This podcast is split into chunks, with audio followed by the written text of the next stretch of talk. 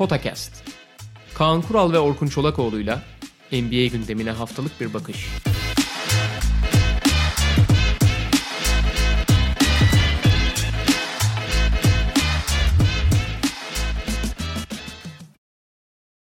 Merhaba, Potakest'e hoş geldiniz. Doğu Konferansı'nı konuşmuştuk sezonun ilk programında Kaan Kural'la birlikte ve şimdi sıra Batı Konferansı'nda. Tabii yine daha cazip olan konferans konumunda Batı Konferansı.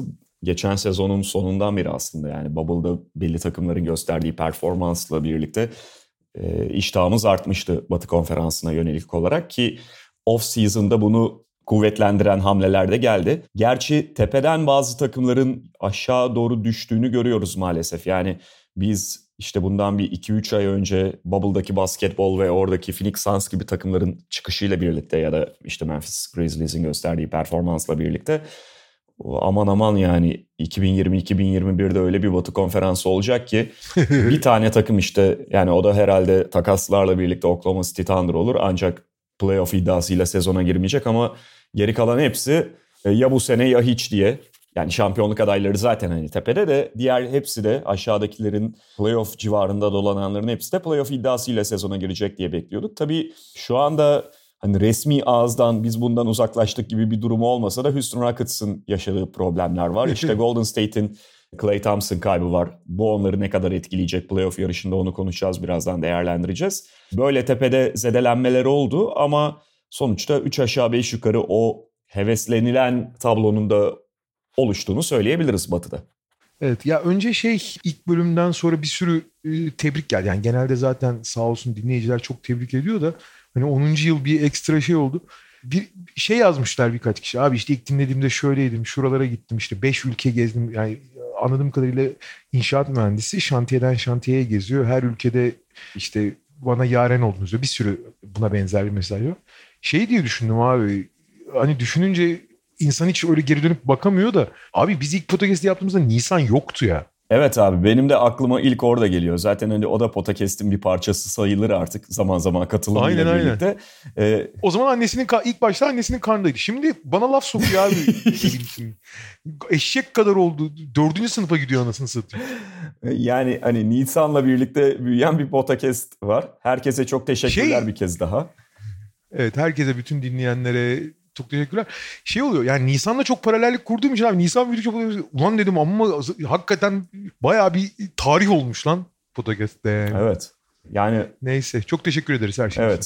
için. Bütün dinleyenlere. Evet bize hani bu yolda yoldaşlık eden, destek veren. Çünkü sonuçta yani şu anda Sokrates çatısı altındayız. İşte ama bundan önceki dönemde bir nevi amatör yapıyorduk bunu. Bir nevi değil direkt amatör yapıyorduk. Tamam yani bu da bizim bir sesimizi duyurma çabamızdan zaten ileri gelen bir projeydi. İşte e, geçen günde bahsediyorduk galiba. İlk buna başladığımızda o, o gün için işsizdik Kaan abi. Hani biraz da ne yapalım kendimize bir platform bulalım gibisinden bir çabayla hani buradan... Sesimi sesimi duyan var mı? Aynen. Ya bu şey değil hani e, pota şöyle bir şey yaparız bunu da satarız oradan da para kazanırız gibi bir e, beklentimiz olmadı ama Neticede zaten evde oturuyoruz. Hani işte arada telefonda NBA muhabbeti yapıyoruz ya da buluştuğumuzda bunu bir kayda dökebilir miyiz? Böyle de bir e, dünyada gelişen akım var. Biz neresinden dahil ol- olabiliriz gibi gelişen bir şeydi. E, o günlerden bugüne geldik ve sonuçta işte amatörken, amatör yapılıyorken bir işte bir zaman zaman yoğunluk içerisinde haliyle e, motivasyonunuzun azaldığı olabiliyor. Bu her iş, her iş için geçerli aslında. İşte e, gücünüzün düştüğü olabiliyor. Şey sorgulamasından geçiyorsunuz yani acaba yapıyoruz da hani niye yapıyoruz bir şeye değiyor mu diye. Yani sağ olsun bütün podcast dinleyicileri birinci günden sonra e, artan sayısıyla birlikte bugüne kadar o yolda bize hep destek verdiler, güç verdiler, motivasyon sağladılar. Onlara bir kez daha teşekkürler bu anlamda da. Ve yani şu anda da hani çok çok profesyonel sayılmayız. Tabii ki yani Sokrates çatısı altında belli bir ücret alıyoruz ama hani uzun yıllar para kazanmadık. Ama hiçbir zaman para kazanmak için ya da hani bir e, mecra olsun diye değil. Hatta çoğu zaman başka mecralarda bir sürü iş yaparken de buna devam ettik. Bazen zor oldu ulan aynı şeyleri yapıyoruz falan diye. Ama podcast'in bizim yani e, gönlümüzdeki yeri de çok ayrı yani. Hakikaten Nisan'la o yüzden özlüyorum. Biraz çocuğumuz gibi. Sen şey dedin ya hani e, yeni bir medya akımı var falan diye. Geçen sene bir e, podcast zirvesi ya da podcast semineri gibi bir şeye katılmıştık. Evet. Şey çok acayip. Biz podcast'te baş yani podcast'te başladığımız zaman hani tamam podcast dünyada çok az da olsa başlamış. Daha doğrusu şöyle radyo programlarının kayıt edilip daha sonra dinlenebilmesi üzerinden başlıyor podcast zaten. Hı hı. Yani sonuçta basit bir ses kaydı bu. Hı hı. Ama bir program yani bir kayıtlı bir program yapılması gibi bir en azından bir gelişme olmamış. Hani çok zor bir şey olduğundan değil. Biz başladığımızda da hakikaten hani ya işte bu da yeni bir mecra bir insan kendi böyle duruyor değil. Hani hakikaten çok bilinçsiz ve çok şuursuz bir şekilde başlayıp ya işte abi konuşmalarımızı kaydedelim insanlara sunalım şey gibi. Hani şu anda WhatsApp'ta ses kaydı yollamak gibi bir kafa vardı yani bizde. Aynen öyle. O zaman e, şu aslında çok çok da mesafe kaydetmedik o günden bugüne. En azından yaklaşım açısından. Ya tabii canım yani hala başladığımız gibi bilgisayarları açıp mesela aynı ortamda kayıt ancak Sokrates'te yaptık. Bir dakika, bir dakika. Başladığımız günden benim mikrofonumdaki korkunç gelişim lütfen o, o kadar da yerimizde saymadık rica ediyorum. Ya donanım gelişimi sağlamış olabiliriz de yani. Zihniyet hiç ilerlemedi. İlerlemedi. Demin şey aklıma geldi abi. Ee, 2013'te finallerdeyken mesela yani hani bu sonuçta çok bir şey fark etmiyor da e, hani aynı otel içerisindeyiz. Ne bileyim bir, bir araya gelip de kaydedebilirsin falan ama biz yine odalara çekilip odalardan podcast yapıyorduk. podcast yapıyorduk. Tabii ya. Hakikaten. Sonra da ne yapıyorsun lan hadi pizza yemeye gidelim falan filan diye gidiyoruz. pizzacı. San Antonio'daki pizzacı. Aa.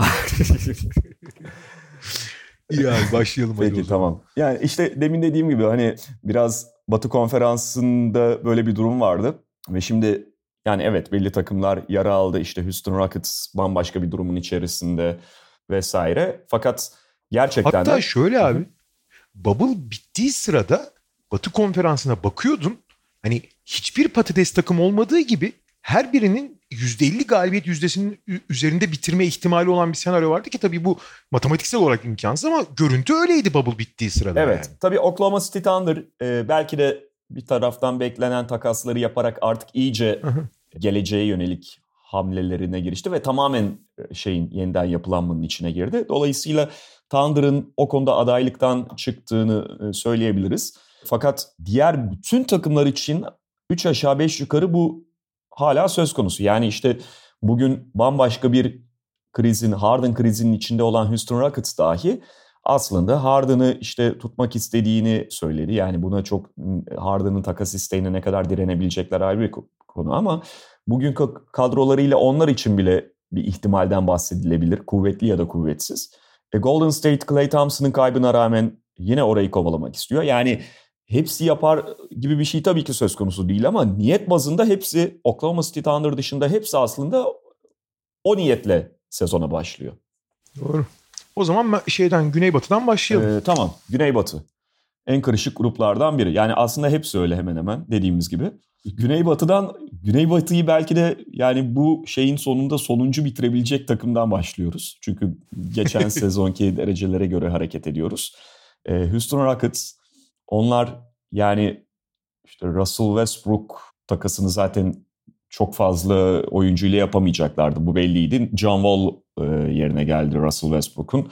Sonrasında önemli hamleler yapmadıkları gibi kadroyu takviye etmeye yönelik elden kaybettikleri Robert Covington gibi önemli bir parça var. E tabi bu arada Mike D'Antoni gitti. Onun yerine aynı derecede isim olmayan bir koçu getirdiler. Takım sahibinin ekonomik problemlerini de burada anmak gerekiyor. Ve James Harden da bu hareketlilik içerisinde abi beni de takas edin. E, Ben burada devam etmeyeceğim dedi. Bunu yönetime bildirdi. Houston Rockets sonrası Bildirmekle kalmadı. Çok net e, bir mali bir de sportif hamle yaptı. yani gelmiyorum Mali kardeşim olarak- dedi. Geç geldi. Aynen mali olarak 2 yıl 100 milyon dolar yani yıllık 50 milyon dolarlık extension'ı reddetti. Hı Bu arada reddetti derken James Harden'ın daha 3 senelik kontratı var. Daha doğrusu 2 artı 1. Yani İki bu sene ve gelecek sene kontratı var. Ondan sonraki senede de oyuncu opsiyonu Hı hı. var. Yani tamam hadi oyuncu opsiyonunu kullanmayacak değilim. Bu sene bitmiyor Evet. kontratı Harden'ın. Gelecek sene de var yani. Evet yani iki diyelim ona. Bir de onun üzerine kampa ge- geç geldi zaten. İşte Ve partiledi. bayağı tatil yapıp gelmiş göründü. E, partilediği için protokol uyarınca zaten bir süre katılamadı. Ve yani geldiğinde de ne halde olduğunu dün net biçimde gördük fiziksel Evet olarak. ya. Şimdi Houston Rockets ilk dönemde, ilk günlerde resmi ağızdan yani biz Harden'la devam etmek istiyoruz falan filan gibisinden açıklama yaptı. E, buna takas şeyinde kuyruğu dik tutma çabası diyebiliriz ama e, bu birlikteliğin çok fazla yürümeyeceği ortada. Aslında yani Houston Rockets inat edip Harden'ı takımda tutsa dahi Harden'lı bir takımın da bu sene çok etkili olamayacağından bahsedebiliriz. John Wall'un James Harden'la ne kadar iyi bir ikili olacağı ayrı bir konu. Harden'ın şu haliyle şu e, duygusal ve fiziksel kendini adamama haliyle e, yarar mı zarar mı getireceği apayrı bir konu. Şimdi önce abi bir Tilman Firtita'nın durumundan bahsedelim. Hani NBA'nin en sevilmeyen ve en ne derler özellikle sağ dışı hareketleriyle işte e, kendi normal işinde çalışanlarına tavırlarıyla falan e, çok negatif bir takım sahibi olduğunu ve aslında işte yıllardır luxury tax ödememek için detay hamlelerde Daryl Morey'nin elini bağladığı falan biliniyor. Üstüne üstlük geleceğiz nasıl geçen, geçen seneye başlarken hatırlarsın Mike D'Antoni istemediği biliniyordu. Daryl Morey'e ne kadar baskı yaptığı biliniyordu. Tabii bu Daryl Morey'nin Hong Kong krizi işleri çok daha zora soktu vesaire. Yani Houston mesela e, Hong Kong krizinden en ağır etkilenen takım Houston oldu. Sadece Daryl Morey'nin Houston'ın genel menajeri olması ve direkt hedef olması bir tarafa Houston Yao Ming'den beri gelen bir gelenekle Çin'den en fazla gelir kazanan takımdı. Yani gelir e, kaynakları NBA'nin azaldı. Houston'un diğer herhangi bir takımdan 3-4 kat azaldı. Hı hı. E, Tilman Fertitta'nın genelde işte e, otelcilik sektöründe de çok aktif olduğu için pandemiden en çok etkilenen Mickey Harrison'la birlikte Miami'nin sahibi Mickey Harrison bat, feci durumda zaten biliyorsun. Onun en büyük zenginliği dev şey e, gezi gemileriydi, kruz gemileriydi. O, o sektör tamamen öldüğü için feci durumda Mickey Harrison'ın durumu. Facia durumda adam yani eksi milyar dolarda falan yani. E, ama Tilman Fertitta da çok etkilendi bu pandemiden. Yani herkesin etkilenenden daha fazla etkilenenlerden. Fakat şöyle bir şey var. Zaten hani çok e, tırnak içinde söylüyorum cimri bir karakterdir. Bir de acayip şanssız. Şey çok acayip. E, bu Houston bir önceki satışında galiba 80'lerin sonu 90'ların başı olsa gerek. E, Leslie Alexander'la şeye giriyorlar. Açık artırma gibi yani fiyat yarışına giriyorlar. İşte tam hatırlamıyorum rakam ama o zaman Leslie Alexander galiba 92 milyon dolara mı ne alıyor? 90 milyon dolar veriyor 2 milyon dolar vermiyor hı hı. mesela. Sonra gidip 2 milyar dolar almak zorunda kaldı takım adam. bir de işler tersine döndü. Şimdi bu tarafa geri dönersek Abi şimdi bir kere James Harden'ın bu yaptığının e, NBA'in artık geldiği noktada işlerin artık ne kadar suyunun çıktığını gösteriyor. Şimdi bu player empowerment era diyorlar ya oyuncunun güç kazandığı dönem. Yani artık oyuncular, üst düzey oyuncular kulüplerden, kurumlardan üstün. Yani bugün LeBron James, Kawhi Leonard, işte Kevin Durant yani top 10 oyuncuyu sayarsan Luka Doncic vesaire ki Luka Doncic ne kadar genç. Ee, şu anda kulüplerinden daha güçlü durumdalar.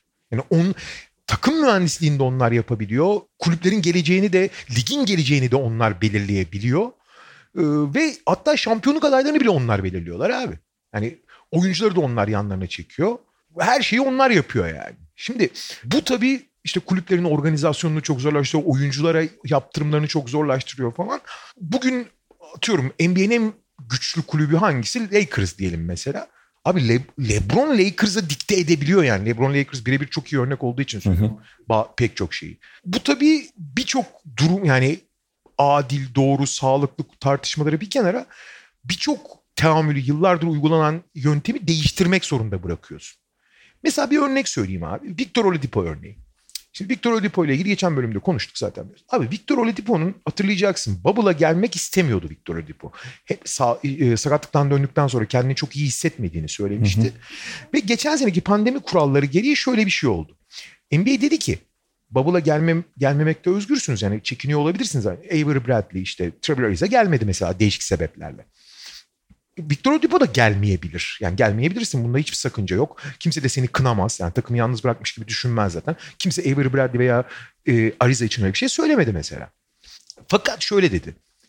Bubble'a gelirseniz kontratın tamamını ama Bubble'a gelmeyen oyuncular da artık hani bunu da kabul etsin kontratın belli bir kısmını almayabilirler. Yani al, al, hani kontratın belli kısmını vermeyecek NBA şey takımlar. Hı hı. Fakat takımları da serbest bıraktı. Abi Indiana dedi ki abicim Oladipo sen değerli adamsın. Biz sana kontratın tamamını veririz. İstersen gelme dedi. Şimdi Oladipo'nun yarattığı teknik sorunlar, kendi çok primadonna gibi görmesi vesaire vesaire onları geçiyorum. Abi Indiana bunu yaparken çok haklı bir konumda olmasına rağmen oyuncu kendi gelmek istemiyor. Kontratının sadece oynadığı bölümünü verecekler. Bir de hani yaptıkları kesinlikle öyle yarısını vermiyor değiller yani. O bölümü oynamadın o parasını yani maç başına parasını vermeyeceksiniz. Hı hı. Abi Indiana bunu vermek zorunda kaldı. Niye? Bu sadece Oladipo ile olan ilişkileri için değil. Ligin geneline diğer oyunculara şey gözükmek için. Abicim hani ne olursa olsun oyuncu büyüktür abi. Bizde bizde paran kalmaz abi durumu falan oluyor mecburen. Evet. Kaldı ki haklı olan taraf Indiana orada mesela örnek olarak söylüyorum. Evet ileriye bir yatırım Neyse. olarak yani bunu yapıyor bir yandan da. Fakat şimdi James Harden'ın durumuna bakıyorsun. Biraz mesela geçen sene Anthony Davis'te de, önceki sene Anthony Davis'te de aynı şey olmuştu. Babacım iki sene kontratın var. Ben şuradan başka yere gitmem, öbür diğer türlü oynamam diye nasıl büyük bir saçmalık olduğunu gördük. Şimdi Anthony Davis tabii başarılı bir sezon geçirince kendi kariyerini de zenginleştirdiği gibi çok daha yüksek bir algısı var. Şampiyonluğa ulaştı, muazzam bir playoff geçirdi vesaire.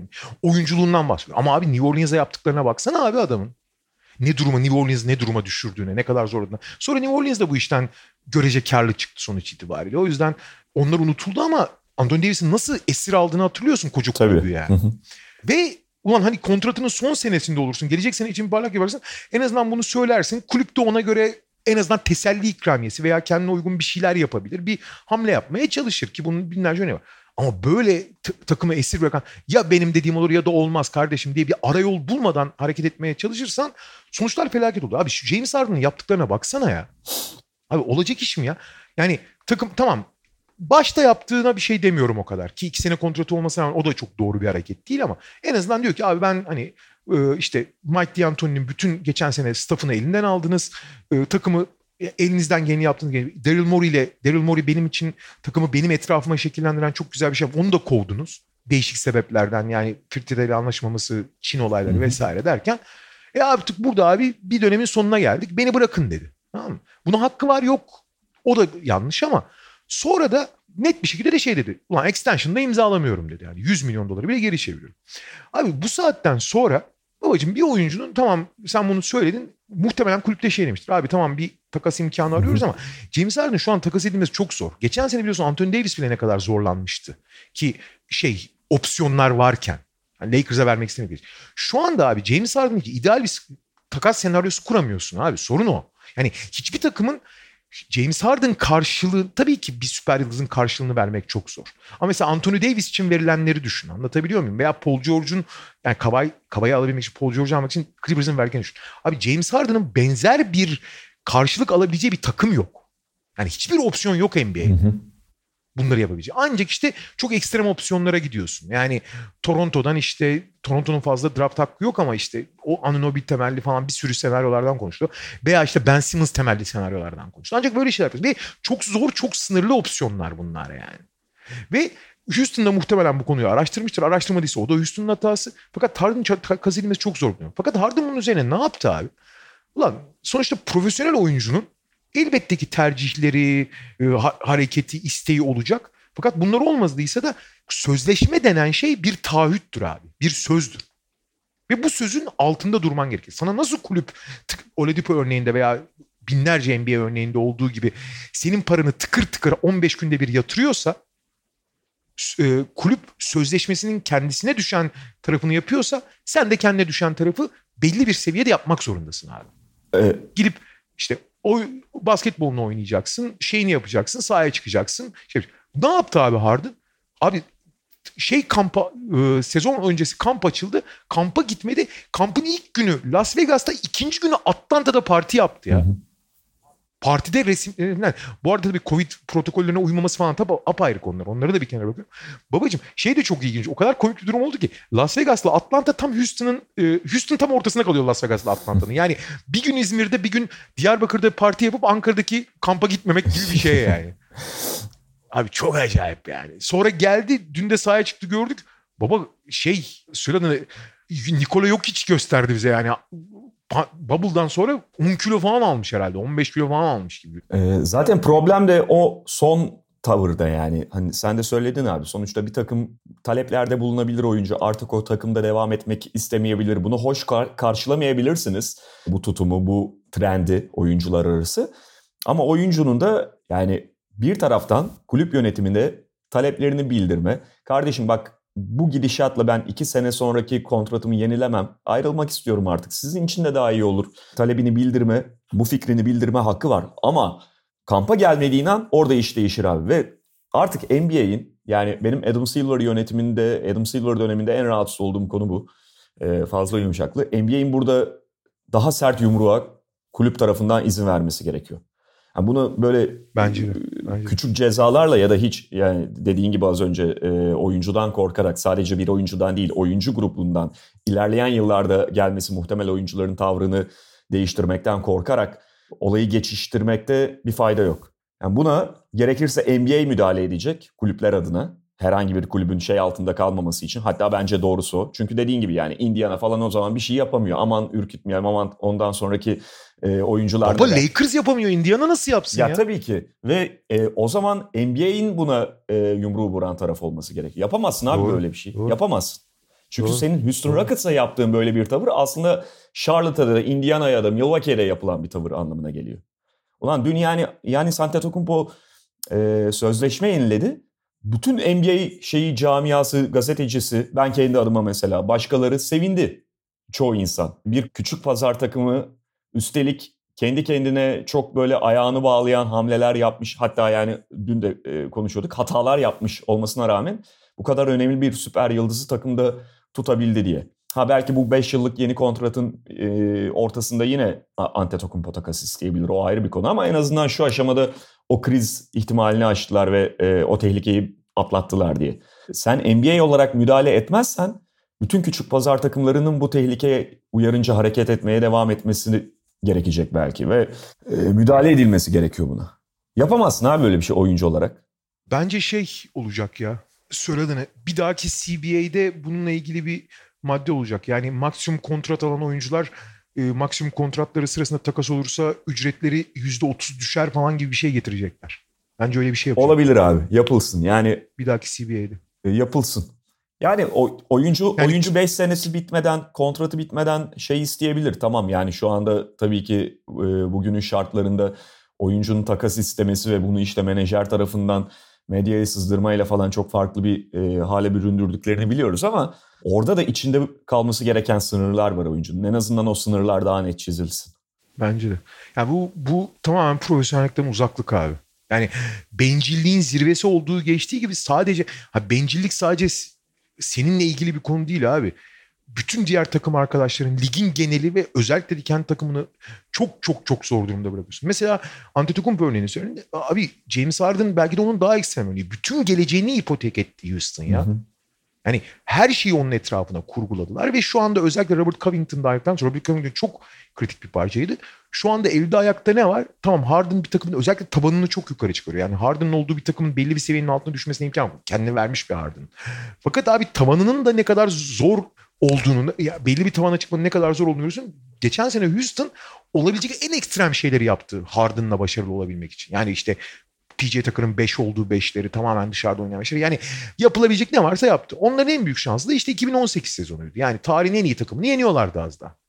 Yani yenmişlerdi de neyse geçelim. Ama şu anki geldikleri noktada eldeki kadro Covington'da ayrıldıktan sonra çok ciddi problemlere sahip. Zaten birçok bir defekti yani belli bir şeye yönelmek için, belli bir yapıya yönelmek için diğer her şeyi boşlayıp çok ciddi riskler alan, bazı alanlarda iyi, bazı alanlarda çok eksik olan bir takım bu takımın çok önemli parçası. Yani kısa beşi e, belli açıdan verimli kılan, savunmandan değerli kılan Covington'ı da kaybettikten sonra en iyi durumunda olsa bile başarı şansı çok düşük olan, belli bir seviyede olan bir takım olarak kaldı. Orada da işte yanına gelen, Harden'ın yanına gelen bir başka yıldız daha çok belli etmese de mutsuz olarak ayrıldı Russell Westbrook. Ha, bu Russell Westbrook'un kendi şeyleri de sorunları da var ama sonuçta çok mutsuz ayrıldı abi oradan da. E, Chris Paul öyle. Tam Chris Paul ile Russell Westbrook geçinmesi kolay oyuncular olmayabilir ama olmuyor yani. Harden'dan kaynaklı olması da olmadı. Olmadı, olmadı, olmadı. 2018 çok başarılı bir sezondu. Bence çok değerliydi ama geçti artık o. Abi sen bundan sonra senin için bu kadar çok şey yapılmışken bir yere varmadıysa evet tamam varmadı yolumuzu ayıralım diyebilirsin ama bu kadar şey yapılmışken sen de takım bu kadar zor durumda kaldığında sen de taşın elini altına sok. Abi sorumluluğun bir kısmını al yani. En azından bireysel sorumluluğunu al. Sen topunu oyna. Şimdi kadroya bakıyorsun abi. Abi geçen sene çok ekstrem deney başarısız olduktan sonra o takımın bir sene daha yaşlanmış, bir sene daha kan kaybetmiş. Covington gibi ana partisini kaybetmiş bir yapı oluyor. Bir. ikincisi abi John Wall daha önceki partnerlerinden Harden'ın Chris Paul veya işte Russell Westbrook'tan daha farklı James Harden'a en uyum sağlayamayacak oyunculardan. Evet. Yani hiç sakatlanmamış olsa bile. Tabii. Bu arada yani tam performans John Wall'u kastediyorum ki John Wall'u hazırlık maçlarında gördük. Ee, iyi formda güçlü gözüküyordu ama abi yani yön değiştirmekte falan çok zorlanıyor doğal olarak. Aşil'den dolayı. Mesela Durant de zorluyor ama Durant bundan çok etkilenmiyor. Abi John Wall tamamen ayağından güç alarak patlayarak oynayan bir oyuncu. Hiç patlayamıyor abi. Yani hiç e, tamam daha çok var. Biraz oynasın iki ay sonra bakalım bakacağız ama eskisi gibi olamayacağını zaten biliyoruz. Ki eskisi de şöyleydi. Wall inanılmaz süratli, inanılmaz delici, deliciliğini pasörlükle kullanan bir oyuncuydu. Abi Houston'da öyle bir yapı yok ki. Hı izolasyon üzerinden oynayan bir takım. Ve deldikten sonra verdiğin pas zaten herkes hareket etmediği için hücumda en azından şu ana kadarki yapıda bunun ne kadar değiştirebilirsin ayrı konu. Verimli olamaz. Yani James Harden da mesela atıyorum John Wall deldiği zaman bir işe yaramıyor ki. Çünkü Russell Westbrook'u nasıl kullanıyorlar hatırlıyorsun. Russell Westbrook'u pivot gibi 5 numara gibi kullanıyorlardı. 5 numara rolünde. Yani şimdi sağlıklı bir John Wall ki çok büyük soru işareti ben hiç olamayacağına inanıyorum eskisi gibi. Zaten uymaz. Bu haliyle hiç uyamaz. Eric Gordon iyice yaşlandı. Ee, Daniel House takım zaten onu bir kaşık suda boğacak Bubble'da yaptığı geri, salaklık, gerzeklik yüzünden. PJ Tucker bir yıl daha yaşlandı. Tek önemli hamle gibi görülen ve aslında pek çok açıdan övülen Christian Wood hamlesi bence ben pek çoklarının aksine çok olumlu olduğunu düşünmüyorum. Christian Wood'un yakaladığı rakamların biraz takımı ve biraz kaybeden takımda yakalanmış rakamlar olduğunu, onun etkisinin e, yani onun patla yani belli bir seviyeye geldiğini ve iyi performans gösterdiğini ama onun patlama yapacağını falan kimsenin beklememesi gerektiğini düşünüyorum şahsen. Ben o kadar inanmıyorum Christian Wood'a. Ya şöyle ee, pardon abi Christian Wood Detroit için mantıklı abi. Evet. Yani mesele orada. Hani Detroit'i dün konuştuk. Onlar için Christian Wood'u bırakmış olmak çok büyük bir salaklık bence. Ama Houston Rockets için de en azından şu yapı içerisinde Christian Wood'un çok anlamı olmayabilir. Çünkü Christian Wood'a alanı veremeyecek belki de Houston Rockets gelişimine devam etmesi için. Bir tane olumlu şey söyleyebilirim. Bu arada Houston'ın ben facia olacağını Harden'ın zaten şu fiziğiyle, şu umursamazlığıyla yani resmen sağ içinde protez... Yani şey Denver'daki Carmelo Anthony yapacak abi. Hı hı. Sen Denver'daki Carmelo Anthony son senesini hatırlıyor tabii, musun? Tabii. Takas. Buna benzer bir senaryo olmuştu. Abi çoğu kişi hatırlamıyor onu. Abi saha içinde takımı baltalıyordu ya. Hani bilerek oynamıyordu. Yani ki bence bir oyuncunun yapabileceği bir yani sportif anlamdaki en büyük günah o. Sportif dışı konuları bırakıyorum. Sportif anlamda en büyük günah. Şu ana kadar Harden onu da yaptı. Muhtemelen sahada da yapacak zaten. Yani gene at, bakacaksın fena gözükmüyor. İşte 27 sayı 9 asist falan yapacak ama göreceksin abi oynamayacak yani. yani takımı elini zorlayacak ve şu anki senaryoda Harden'ın karşısında iyi bir şey de alınacak. Zaten geleceklerini ipoteklemek çok zor olacak. Yani bu takımla ilgili tamamen Harden etrafına kurulmuş bir takım. Harden olmadığı zaman sıfırlanacak ve feci olacaklar. Harden ne zaman takas olacak bilmiyorum ama bir şekilde en en kötü senaryo Anthony Davis senaryosu olur. Yani işte yalandan oynatıp sezon sonunu beklerler vesaire falan filan. Korkunç bir şey olacak. Bir tane olumlu şey söyleyebiliyorum. Sadece bir tane. O da hani ne kadar olumlu ayrı konu. Demarcus Cousins iyi gözüktü. Hı hı. Ee, ki ya pek çok kişi ardı arda yaşanan o büyük sakatlığın ardından artık Cousins'dan hani çok şey bahsetmeyeceğiz gibi düşünüyordu. Ama belli bir seviyede katkı verebilecek gibi ya Cousins. Şey de çok ilginç değil mi bu arada? Şey Cousins'la ilgili olarak John Wall ve Cousins biliyorsun kolejden takım arkadaşı hep bir arada olmaları konuşulurdu. Bir araya geldiler ama ikisi de aşil yırttıktan ve hani kariyerlerinin dibine vurduktan sonra. Yani, yani seneler sonra böyle işte okuldaki çok iyi arkadaşlar hayat ikisinin de biraz üzerinden geçmiş. çok kötü durumdalar falan öyle bir araya gelmiş gibi oldular. Ama güzel bir hikaye de yani e, güzel hikaye derken böyle acayip bir başarı hikayesi beklenmesin ama e, orada da başka bir şey doğabilir. Geçelim peki. Yani dediğimiz gibi grubun muhtemelen sonuncusu olacak bu Houston Rockets. Geçen sezonun en iyi e, grup içerisinde dereceli takımıydı ama şimdi daha iddialı takımlara doğru yöneleceğiz. Dallas Mavericks adım adım kadroyu daha zengin hale getiriyor. Ee, onlar da önemli takas yaptılar. Şimdi dün işte evvelki gün Philadelphia'yı konuşuyorduk ve orada Seth Curry hamlesinin Richardson'ı kullanarak Sixers açısından ne kadar mantıklı olduğundan bahsettik. İki tarafa da aslında çok yaradı. Çünkü Josh Richardson da tam olarak Dallas'ın ihtiyaçlarından bir tanesi. Yani orada tekrar Miami'de bulduğu ortamı bulabilir ee, ve çok daha faydalı hale gelebilir. Artı bunu iki tane iyi draft seçimiyle de desteklediler. Yani oradaki rotasyonu genişletmiş durumda Dallas Mavericks. Tyrell Terry ve Josh Green'le birlikte. Özellikle Tyrell Terry isim de benziyor. Biraz böyle şey e, Jason Terry şeyi izlenimi şeyi getirebilir, havası getirebilir. Yani ilk maçlarından itibaren aynı katkıyı vermesi tabii ki kolay değil ama e, o özelliklere sahip bir oyuncu. Zaten guard rotasyonu derindi Doncic'in arkasında. Takımın kimin etrafında kurulduğu belli. Bir tane sadece endişe verici nokta var Dallas için sezona girerken. Porzingis'in yine sakatlık problemleriyle boğuşarak sezona giriyor olması.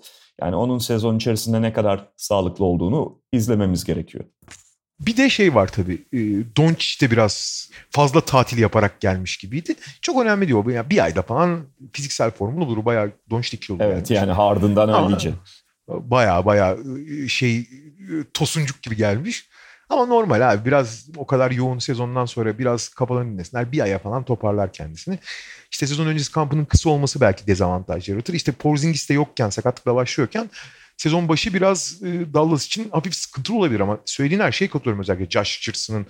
Yani bu takım işte Darian Finney-Smith hariç üst yani ortasının üzerinde savunmacısı olmayan bir takımdı. O yüzden ligin en iyi hücumu olmasına rağmen belli açılardan çok sıkıntı yaşıyordu. Şimdi Josh Richardson özellikle guard savunmasına katkı vermeye başlayınca belli bir savunma kurgusu. Dwight Powell da bu arada geri döndü. O da Aşil'den döndü. O da hazırlık maçında izledim. Fena gözükmüyor. İşte zaten direkt saplanarak oynayan bir oyuncu. En azından katkı verecektir e, sınırlı olsa da. E, ve hani Dallas'ın geçen seneki potansiyelinin ben geçen sene en son Batı'nın en iyi üçüncü takımı gibi görüyordum Dallas. Artık Dallas abi Porzingis'li senaryolar için konuşuyorum tabii ki. Gerçekten 5 dışarıda oynayabilen tek takım. Gerçek anlamda yani. Hı hı. Çünkü yani 5 tane muazzam şutöre sahipler. 5 tane büyük tehditte sahipler. Bu da Doncic'in yapabildiklerini daha da değerli kılıyor. Doncic'i daha da rahatlatıyor, daha da muazzam hale getiriyor. Çünkü Doncic'in en büyük özelliği abi Doncic kendisini Kavay dahil kim tutarsa tutsun potaya gidebiliyor abi. Yani böyle bir şey yok. Böyle bir yetenek yok yani. Hani NBA tarihinin en iyi deli yani Tony Parker'lar falan en iyi delicilerini düşün. Onların bile gıpta edebileceği bir şekilde ve çok farklı. Bu geçen sene çok ıı, konuşulmaya başlanan bir tabir vardı. İşte hep biliyorsun penetre ile ilgili ilk adımdan bahsediyor. İlk adımın sürati, çabuk adım atmak vesaire. Bir de son adım diye bir şey var abi.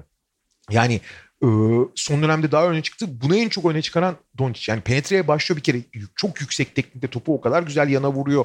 O kadar güzel bir teknikle adım sağlıyor ki zaten Fred VanVleet gibi normalde bu kadar penetre etmesini beklemeyeceğin ama çok rahat savunmacısının yanından geçip potaya gidebilen bir oyuncu oluyor. Vücut dengesi mükemmel. Ve en önemlisi çok süratli potaya gitmeyip belli bir süratle savunmacısının yanından giderken ne zaman tempo değiştireceğini çok iyi biliyor ve son adımın üzerinde resmen dengede kalıyor. Rakipler hareket ederken o momentumu koruyamazken o momentumu koruyunca inanılmaz mesafe açabiliyor.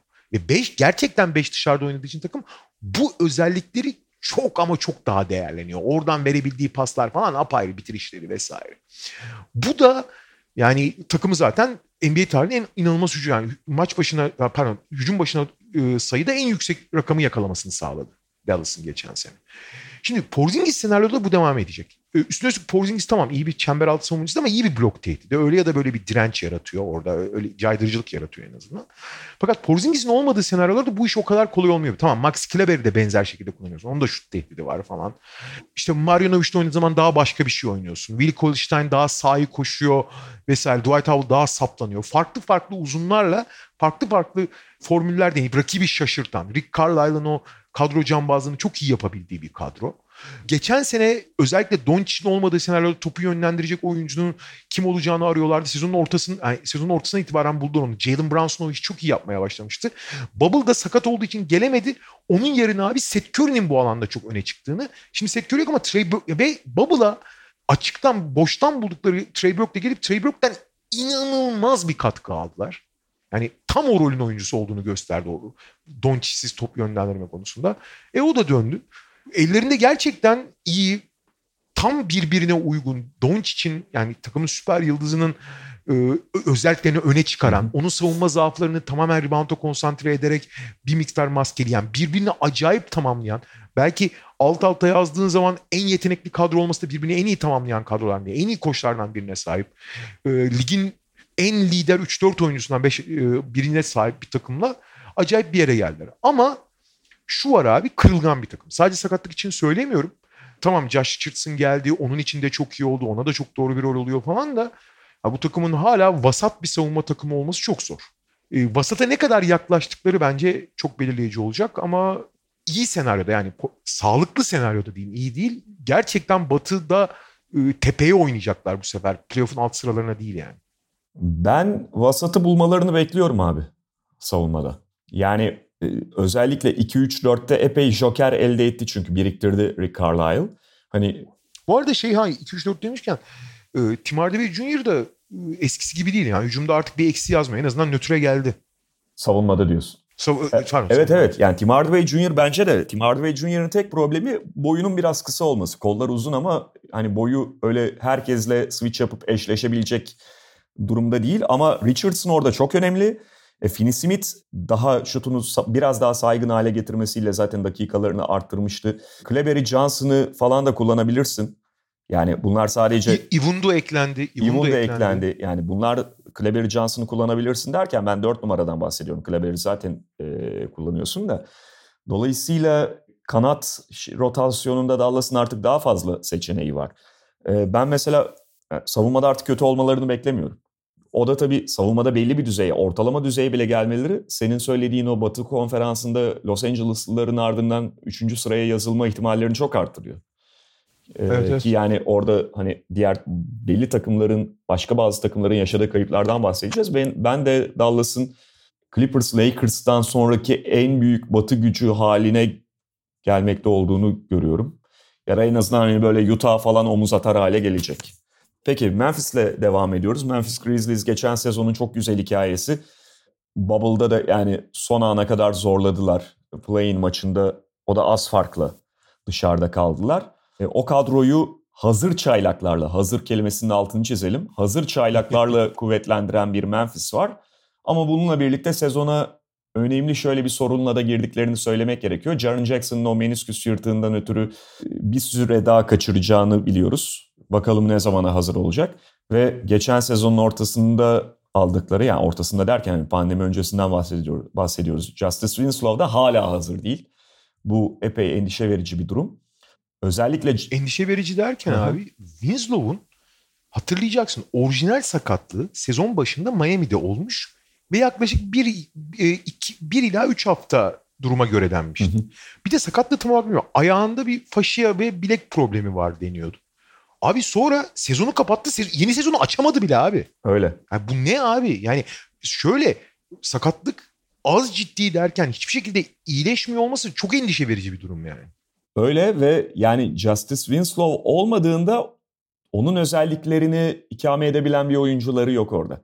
Şimdi 3 numarada Kyle Anderson'la başlıyorsun. Tamamen ağır falan bir oyuncu. İşte 2 numaradaki seçeneklerin zaten 3'e koyduğunda bambaşka problemler getiriyorlar. Ne bileyim Grayson Allen'ı koysan tamam iyi bir şutör ama atletizmde yine sınıfta kalıyorsun. E, D'Anthony Melton o kadar uzun boylu bir oyuncu değil. Dylan Brooks zaten ilk 5 2 numaran. Dolayısıyla hem Winslow'un hala dönememesi hem de Jackson'ın bence takımın en değerli oyuncusu olduğu söylenebilir Jackson'ın. Ja Morant daha öne çıkıyor olsa da hücumda iki taraflı oyun bakımından. Jackson'ın sezon başını kaçıracak olması Memphis'e bu kadar yakın geçecek bir playoff yarışında önemli yara verebilir sezonun başında. Yani geçen seneki kadar olmasa bile hala çok dar bir kadro var onu söylemek lazım. Burada bir yani bu sezon e, ilk programda söylemiştik e, normal sezon işte Covid gölgesinde sıkıştırmış bir sezon olacağı için kadro derinliği daha önemli olacak. Evet. Ve batıdaki yarış düşünüldüğü zaman Memphis'in işi hiç kolay değil. Bir. İkincisi Jaren Jackson Jr. takımın en önemli oyuncusu olduğu kadar takımın teknik anlamda çok kilit bir oyuncusu. Yani e, sadece Jaren Jackson Jr.'ı kaybettiğin zaman seviye kaybetmiyorsun. Oyundan teknik bir şey de kaybediyorsun. Takımın en iyi alan, açı, alan açı, açan oyuncusu. Çünkü takımın iki tane önemli hücum silahı Bence e, tabii ki basketbol çok değiştiği için Valanciunas gibi oyuncuların değeri çok azaldı belki ama Valanciunas hala eski nesil, eski tip pivotların en elit isimlerinden biri ve bazen biz tabii modern oyuna daha uygun, daha hareketli uzunların gerekliliğinden bahsediyoruz ama Valanciunas'ın sahaya verdikleri, getirdikleri özellikle playoff şey normal sezon atmosferinde göz ardı ediliyor. Valanciunas hakikaten çok değerli bir oyuncu. Hı hı. E, normal son atmosferi. Fakat onun değerli olabilmesi için etrafına şütörler lazım ve bu, bu takım alan açmakta zorlanıyor. Çünkü tamam Dylan Brooks atıyor diyelim. Kyle Anderson da fena değil. Grayson Allen'ı bazen kullanıyorlar falan. Ama Jaren Jackson Jr. olmadan iki ana silah. Morant de Valanciunas da şutuna dayalı oynayan oyuncular değiller. Morant biraz geliştirdi. Artık şutu hani sıfır ya da çok kötü kabul edilmiyor ama az atıyor. Atmayı da çok tercih etmiyor.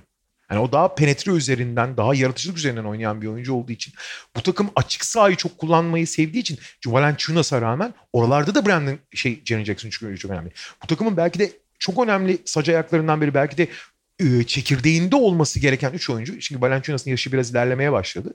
Hani 3 çekirdek Morant, Jaren Jackson, Brandon Clark diyorsun. Brandon Clark da abi tamamen potaya patlayarak oynayan bir oyuncu yani. Ben çok seviyorum Brandon Clark'ı bu arada.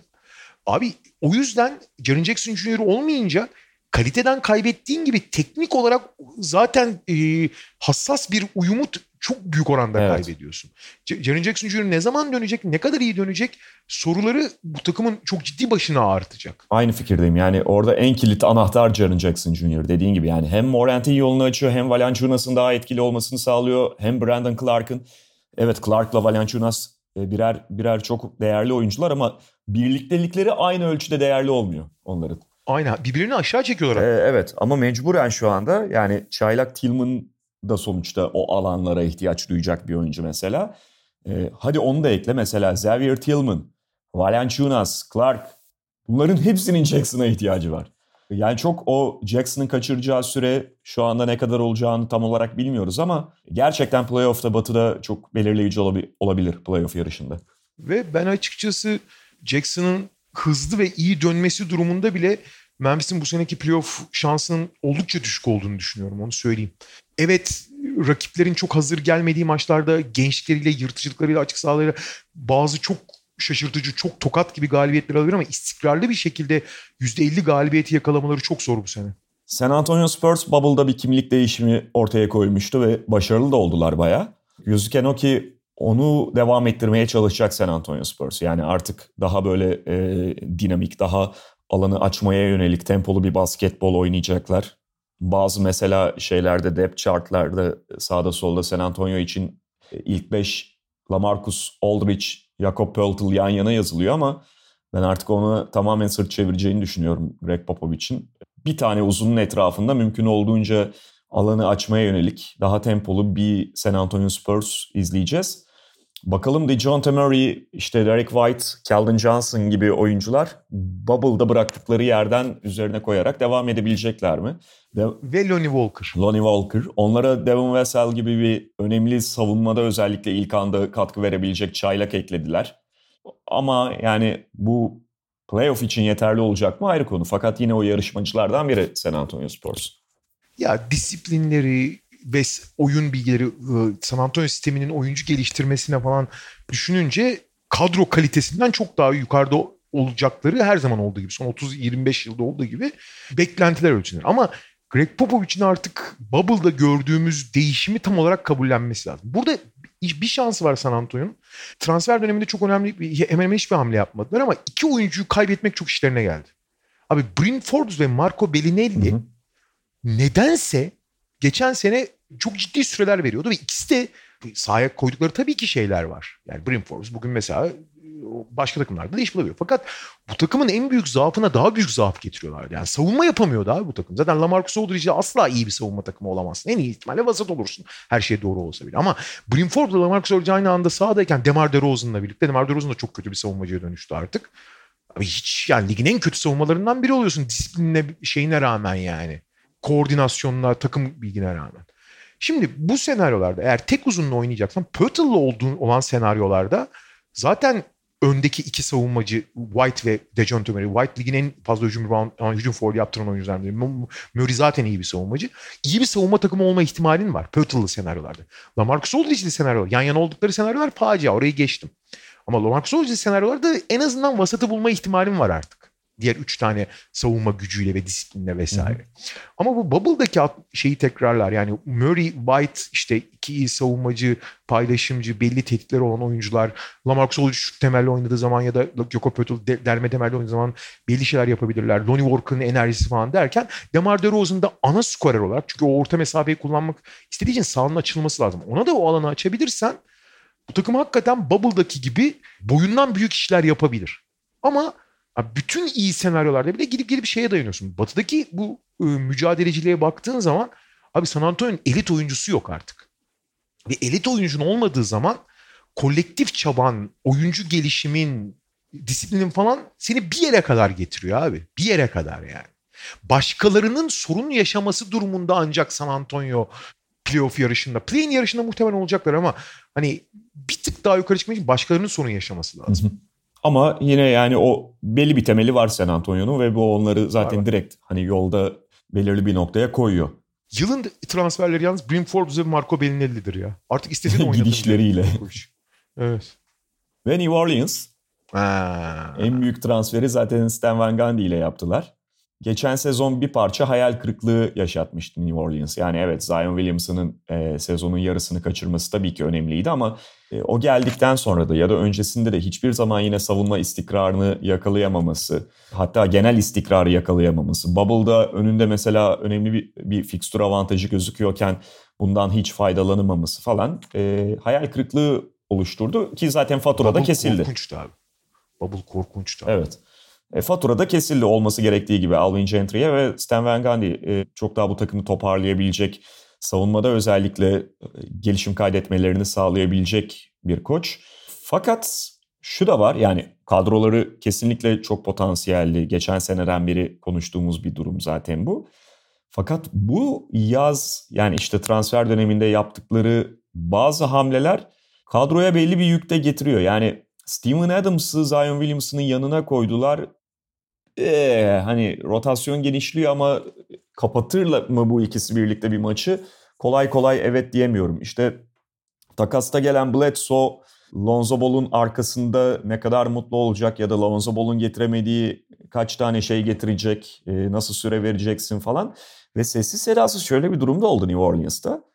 Brandon Ingram tabii ki çok önemli bir oyuncu ve 3 numarada dakikaların çok büyük bir, bir bölümünü alıyor ama bu takımın Brandon Ingram'dan başka ona benzer oyuncusu yok. Yani 3 numarası yok neredeyse. Hani bunu evet bir şekilde kompanse edebilirsin. Ee, artık 3 numarayı direkt böyle kalıp bir 3 numarayla doldurman gerekmiyor ama böyle bir şey de var. Bunun sakatlığı var işte başka problemler olabilir. Sezon içerisinde eksik kalabilirler. Ingram alternatifi yok New Orleans'ın. Kadrolarına bakarken dikkat dikkatimi çeken konulardan biri bu. Valla alternatif olarak bir Josh Hart düşünebiliriz. Josh Hart çünkü fiziğinden çok daha büyük oynayan bir oyuncu ama e, bu sadece yama olur biraz yani asıl kompansiyonu. Şöyle bir problem oldu abi New Orleans'da. Ee, bu arada Jackson Hayes biliyorsun dünyanın en boş boğaz karakteri olduğu için acayip bir e, insider verdi. Biz Alvin Gentry ile 45 dakika idman yapıyorduk. Şimdi 3 saat yapıyoruz. Canımızı okuyor bizim Stamp Mangani dedi. Bu pek çok açıdan önemli. Bu takımın çünkü istikrarsızlığı, savunma disiplinsizliği falan gibi konularda Stan Van zaten iyi olacağını biliyorduk. Bunun hani sözlü teyidini aldık. Bu takım artık savunma anlamında feci olmayacak. Ne kadar iyi olacak yalnız o bir soru işareti. Şimdi Eric Bledsoe, Lonzo Ball, ıı, Steven Adams ekseninde iyi bir savunma olabilirler.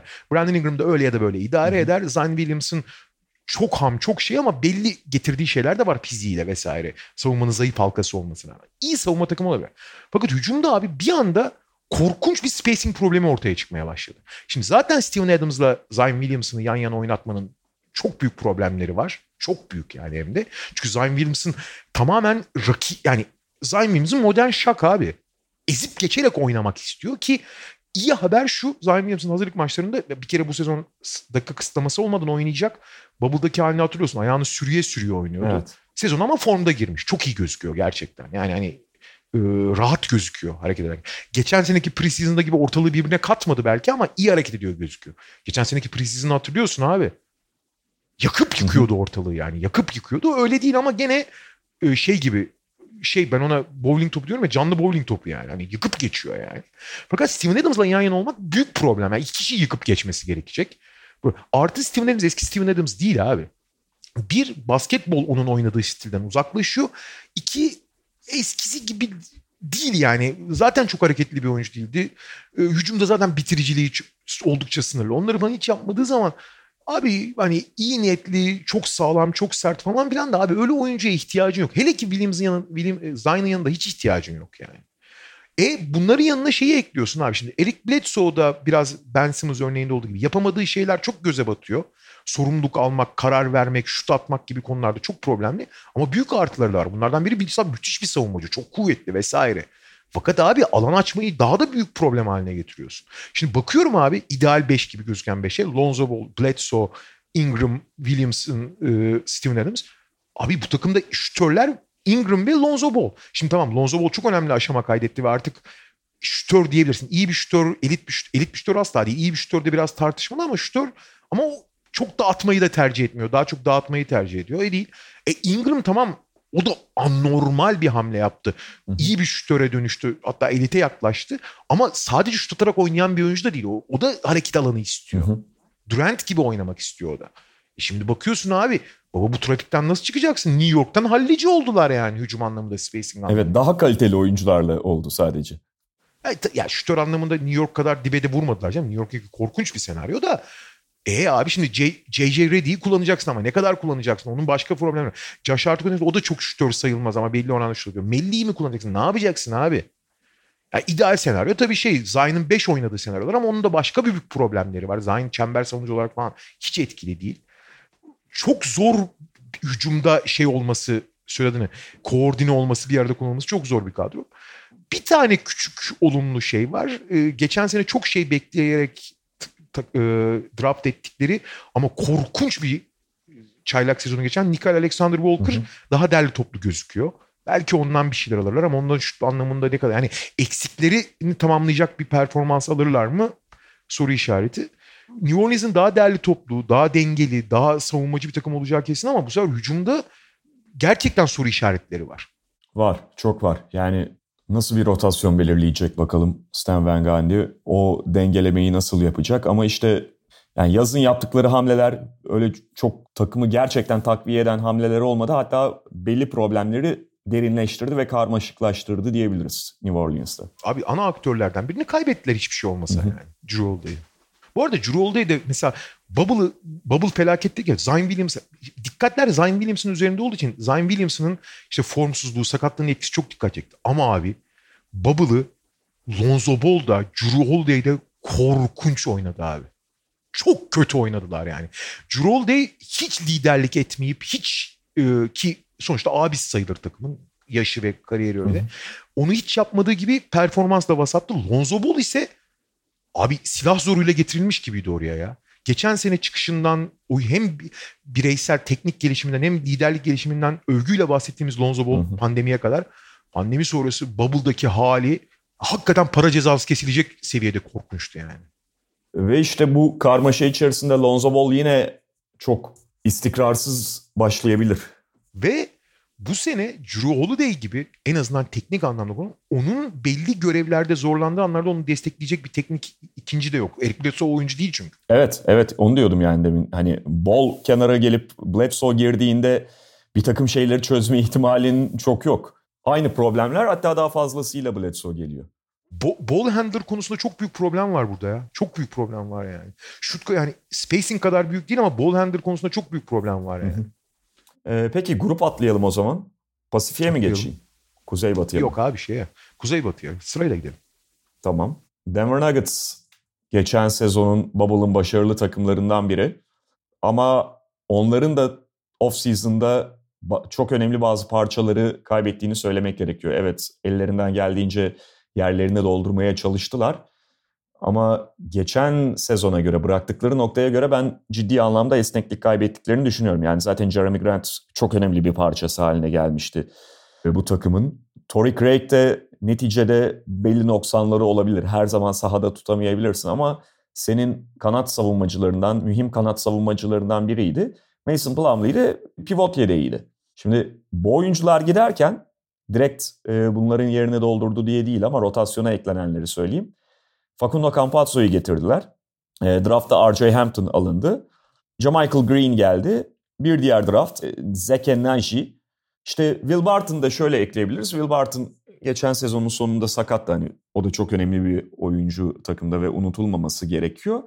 Ama kaybettikleri oyuncular önemli ve ne Jeremy Grant'in ne de mesela Plumlee'nin yerini tam olarak doldurdular mı emin değilim. Yani Plumlee konusunda biraz daha soru işareti. Çünkü çaylak bir oyuncu geldi oraya bol bolun performansının ne kadar artacağını, ne kadar güvenebileceklerini bilmiyoruz. Ama Jeremy Grant'in özellikle kaybını çok net hissedebilirler.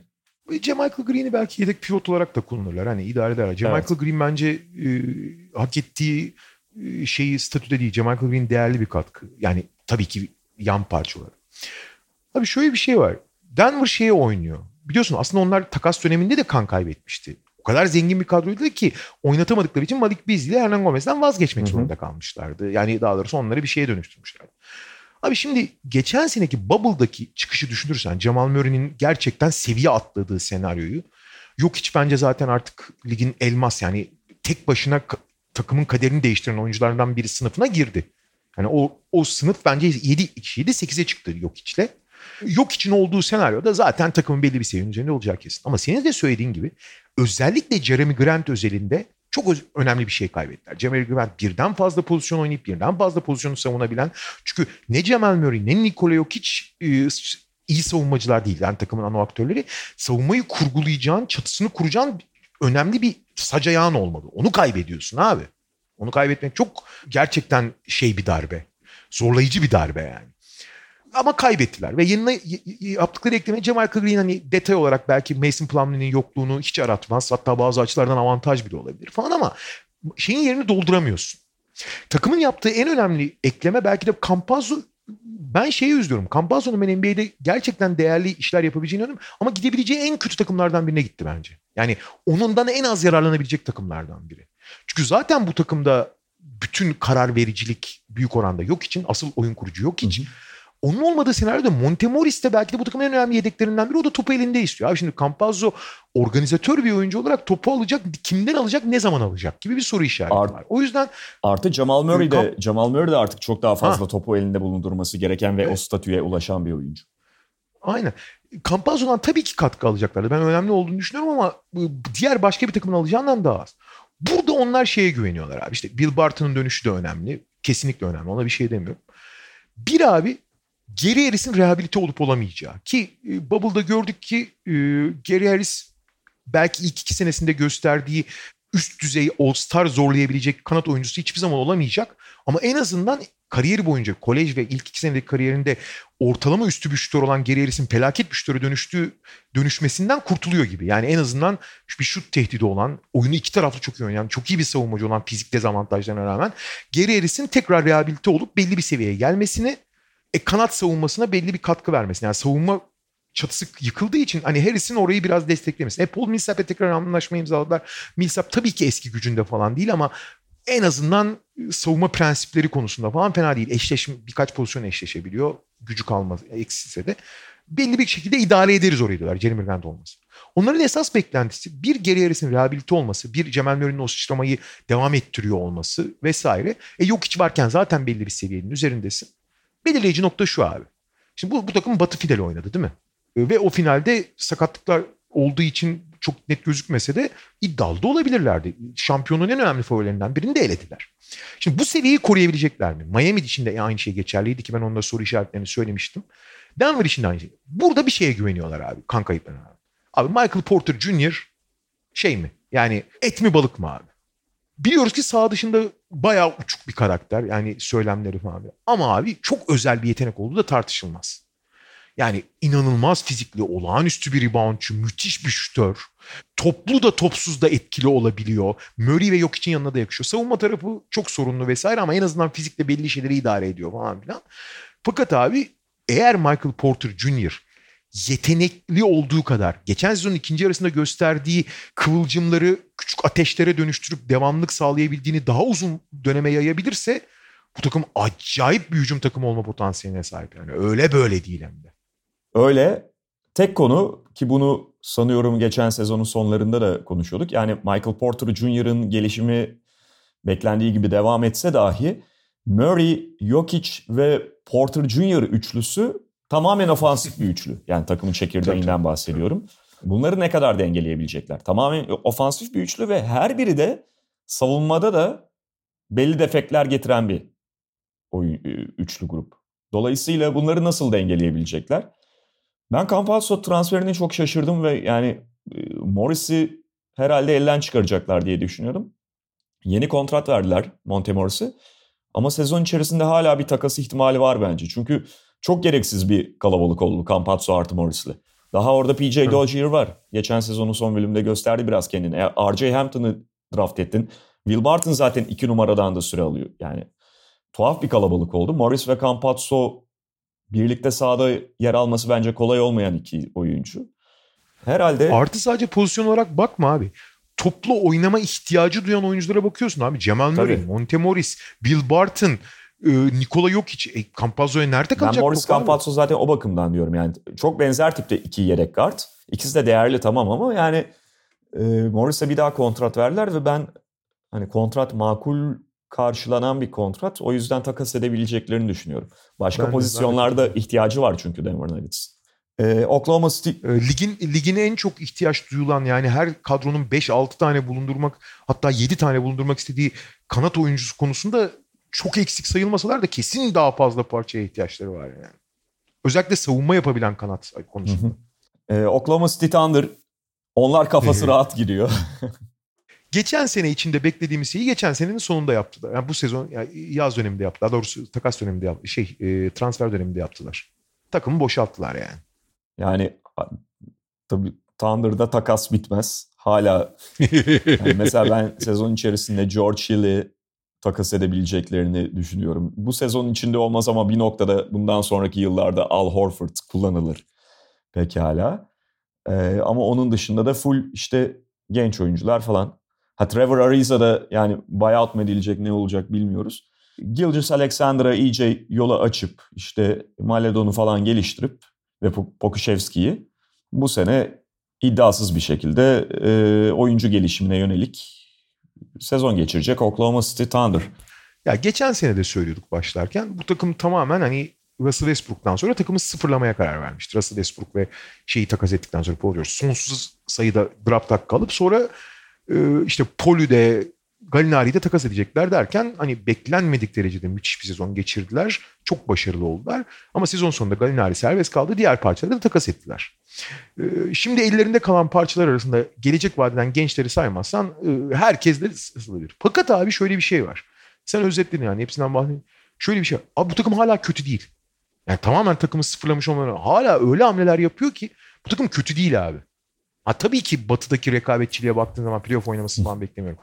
Ama şey gibi değiller yani Cleveland, New York falan gibi tamamen çaresiz ve tamamen hani kağıt üzerinde takımın ne kadar istenmeyen parçaları alıp onun karşısında draft hakkı almış olmasına rağmen gene bir yapı var. Şimdi Shai Gilgis Alexander, onun yedeği işte çok iyi bir lider olabilecek veya ikinci guard olabilecek George Hill var.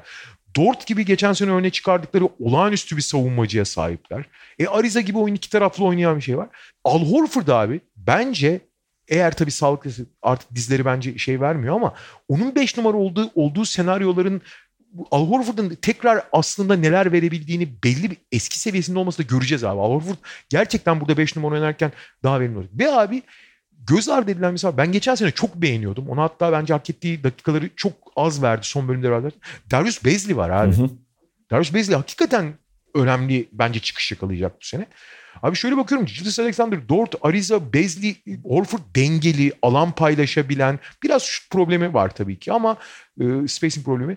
Abi şey değiller. Çöp bir yani feci bir kadro değiller yani. Dengeli ve belli bir potansiyeli e, hazır olmayan, kendini küçümseyen rakipleri çok şey yapabilecek, rahatsız edebilecek, Batı'nın sonunculuğu için kurulmuş bir kadronun hiç böyle Batı'nın sonuncusu gibi yani feci bir durumu yok bence yani. Ha, Problem Batı'nın kuvvetli olması. Evet. So, sonuçta tabii Trevor Ariza olsun, George Hill olsun, Al Horford olsun her an gidebilirler. Ama e, şey değiller. Feci değiller ben söyleyeyim. Hı hı. Ya geçen seneki gibi tabii şimdi Billy Donovan falan da gitti yani. Daha ileriye dönük bir teknik yapılan var. Geçen sene gibi rekabetçi olmaya çalışırlarsa playoff yapmaları çok zor ama çok çetin ceviz olabilirler yani. Peki e, Utah Jazz yine Batı konferansında en sağlam takımlardan biri ve hani işte Clippers'la Lakers favori olarak öne çıkıyor iki favori olarak ama onların ardından gelen takım kim sorusuna biraz önce mesela Dallas'tan bahsettik. Denver zaten orada net aday. Ee, Utah'ta yine orada duran takımlardan biri. Sonuçta bu takım Bubble'da Bogdanovic'den faydalanamadı. En değerli parçalarından, en kilit parçalarından birinden ama Bogdanovic dönüyor. Tek konu var. Yani off-season'la ilgili olarak bir şey kaybetmediler ama kadroyu da çok genişletemediler. Yani şöyle Favors aldılar işte Shaquille Harrison'ı aldılar ama Derek Favors mesela playoff akti geldiğinde bu takımın e, derinliğini gerçek anlamda arttıracak mı soru işareti. Çünkü playoff'ta her sene aynı terane oluyordu daha önceki döneminde e, Favors'ın. Yani Gobert'le Favors'ı işte yan yana sahada tutamıyorsun çok fazla. E, artık zaten kenardan gelecek oyuncu opsiyon şey halinde muhtemelen. Dolayısıyla orada kanat rotasyonunu, playoff'ta esas derinlik problemini yaşadıkları rotasyonu genişletme konusunda bir hamle yapmadı Utah Jazz. Ama çekirdeği de korudu bir taraftan.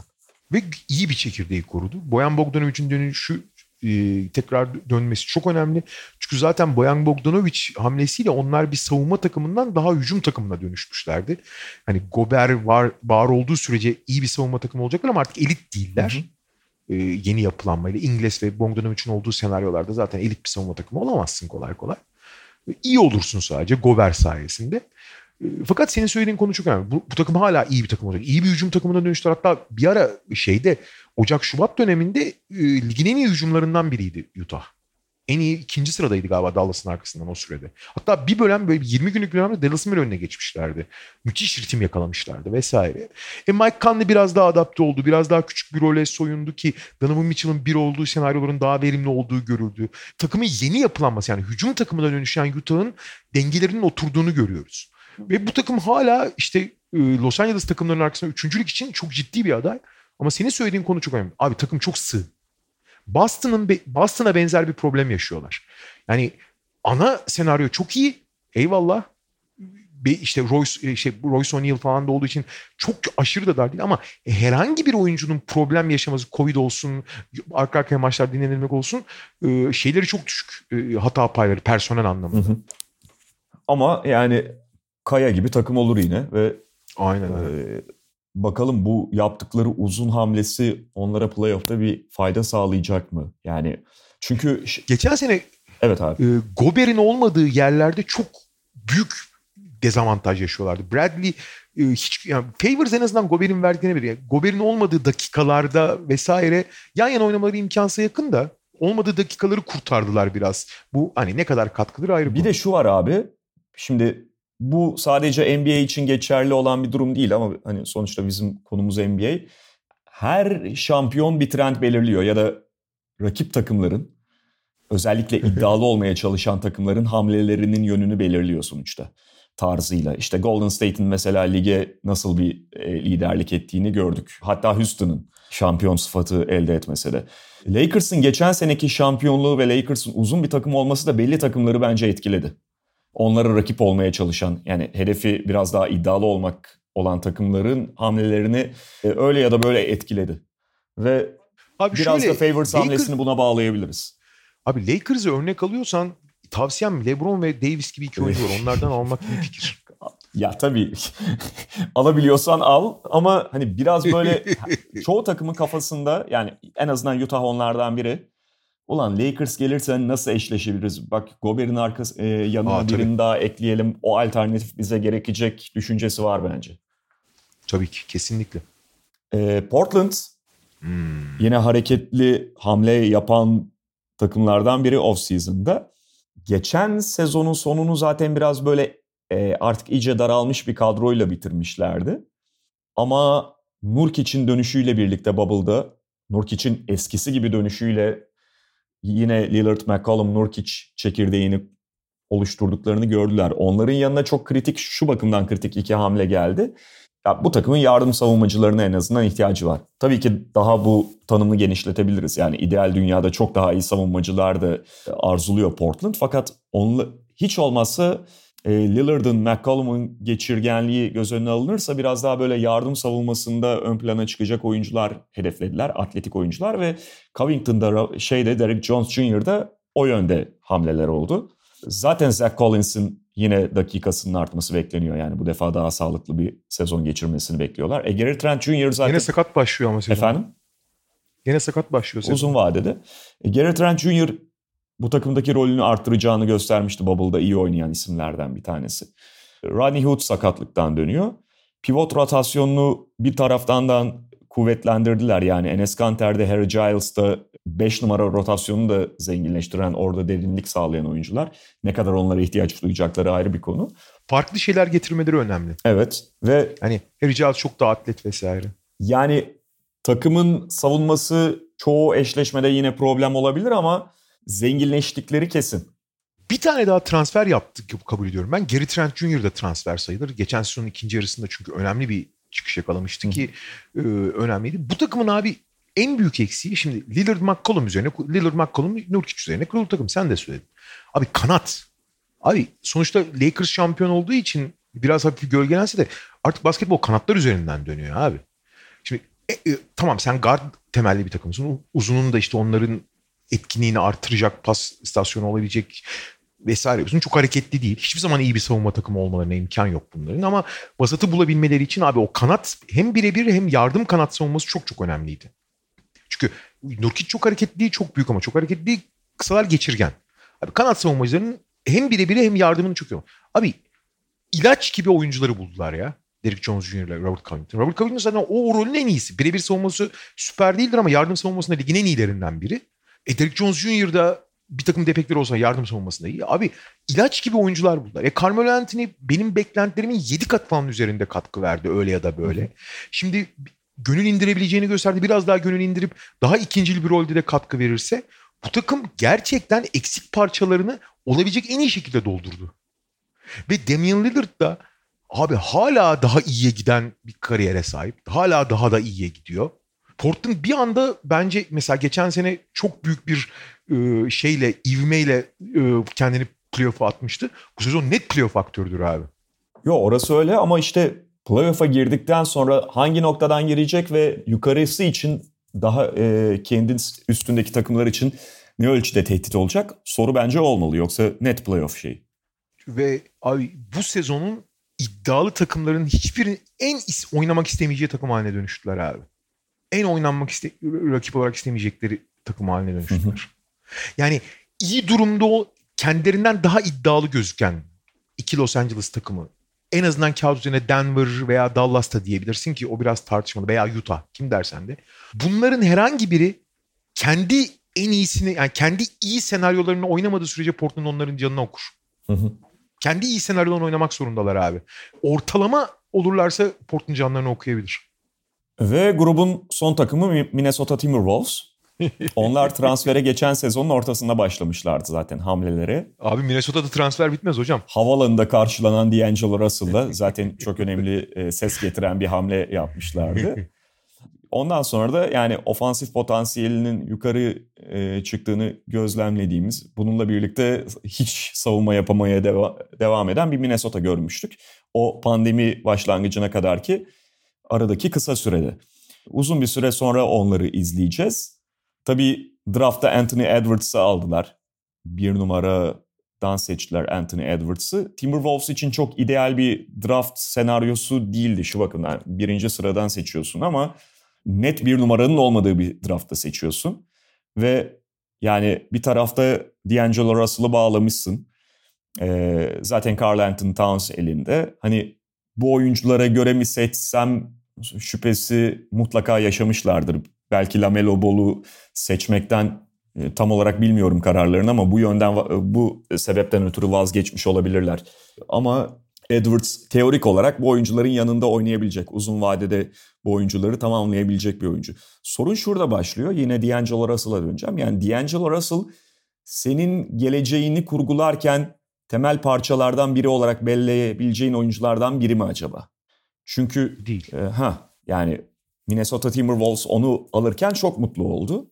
Fakat bu takım D'Angelo Russell, Carl Anthony Towns etrafında kurulan bu takım bize gerçekten ne vaat ediyor? Ee, eğlence vaat ettiği kesin. Ama Minnesota'nın istediği eğlenmek değil sadece playoff adaylığı ve mesela böyle bir Batı konferansında böyle bir düzeyde çıta varken playoff için o savunma zaafları tak, e, Minnesota'nın onları çok etkileyecek. Ee, şimdi nasıl bir kurgu yapacaklar? Yani Ricky Rubio ilk 5'te olacak mı? Ya D'Angelo Russell 2 numara gibi kullanacak mı? 2 numara gibi kullanırsan mesela Anthony Edwards'ın Malik Beasley'i ne yapacaksın? Ki Malik Beasley geçen sene e, yeni bir kontrat da verdiler. İyi de bir katkı vermişti. Abi şey çok önemli. Şimdi Ricky Rubio dışında çok üst düzey savunmacısı yok. Okogi de var ama Okogi'yi ne kadar oynatabilirsin? Ee, bir kere savunma anlamında bu takımın kötü veya felaket olacağı kesin. Basatı yakalamaları çok zor. Çok büyük bir disiplin. Bir kere Ryan Saunders'la falan oyuncularla çok iyi geçen oyuncuların ahbabı olan bir koçla falan zor abi işleri yani. Hani çok büyük bir gelişim göstereceklerini çok zannetmiyorum ben.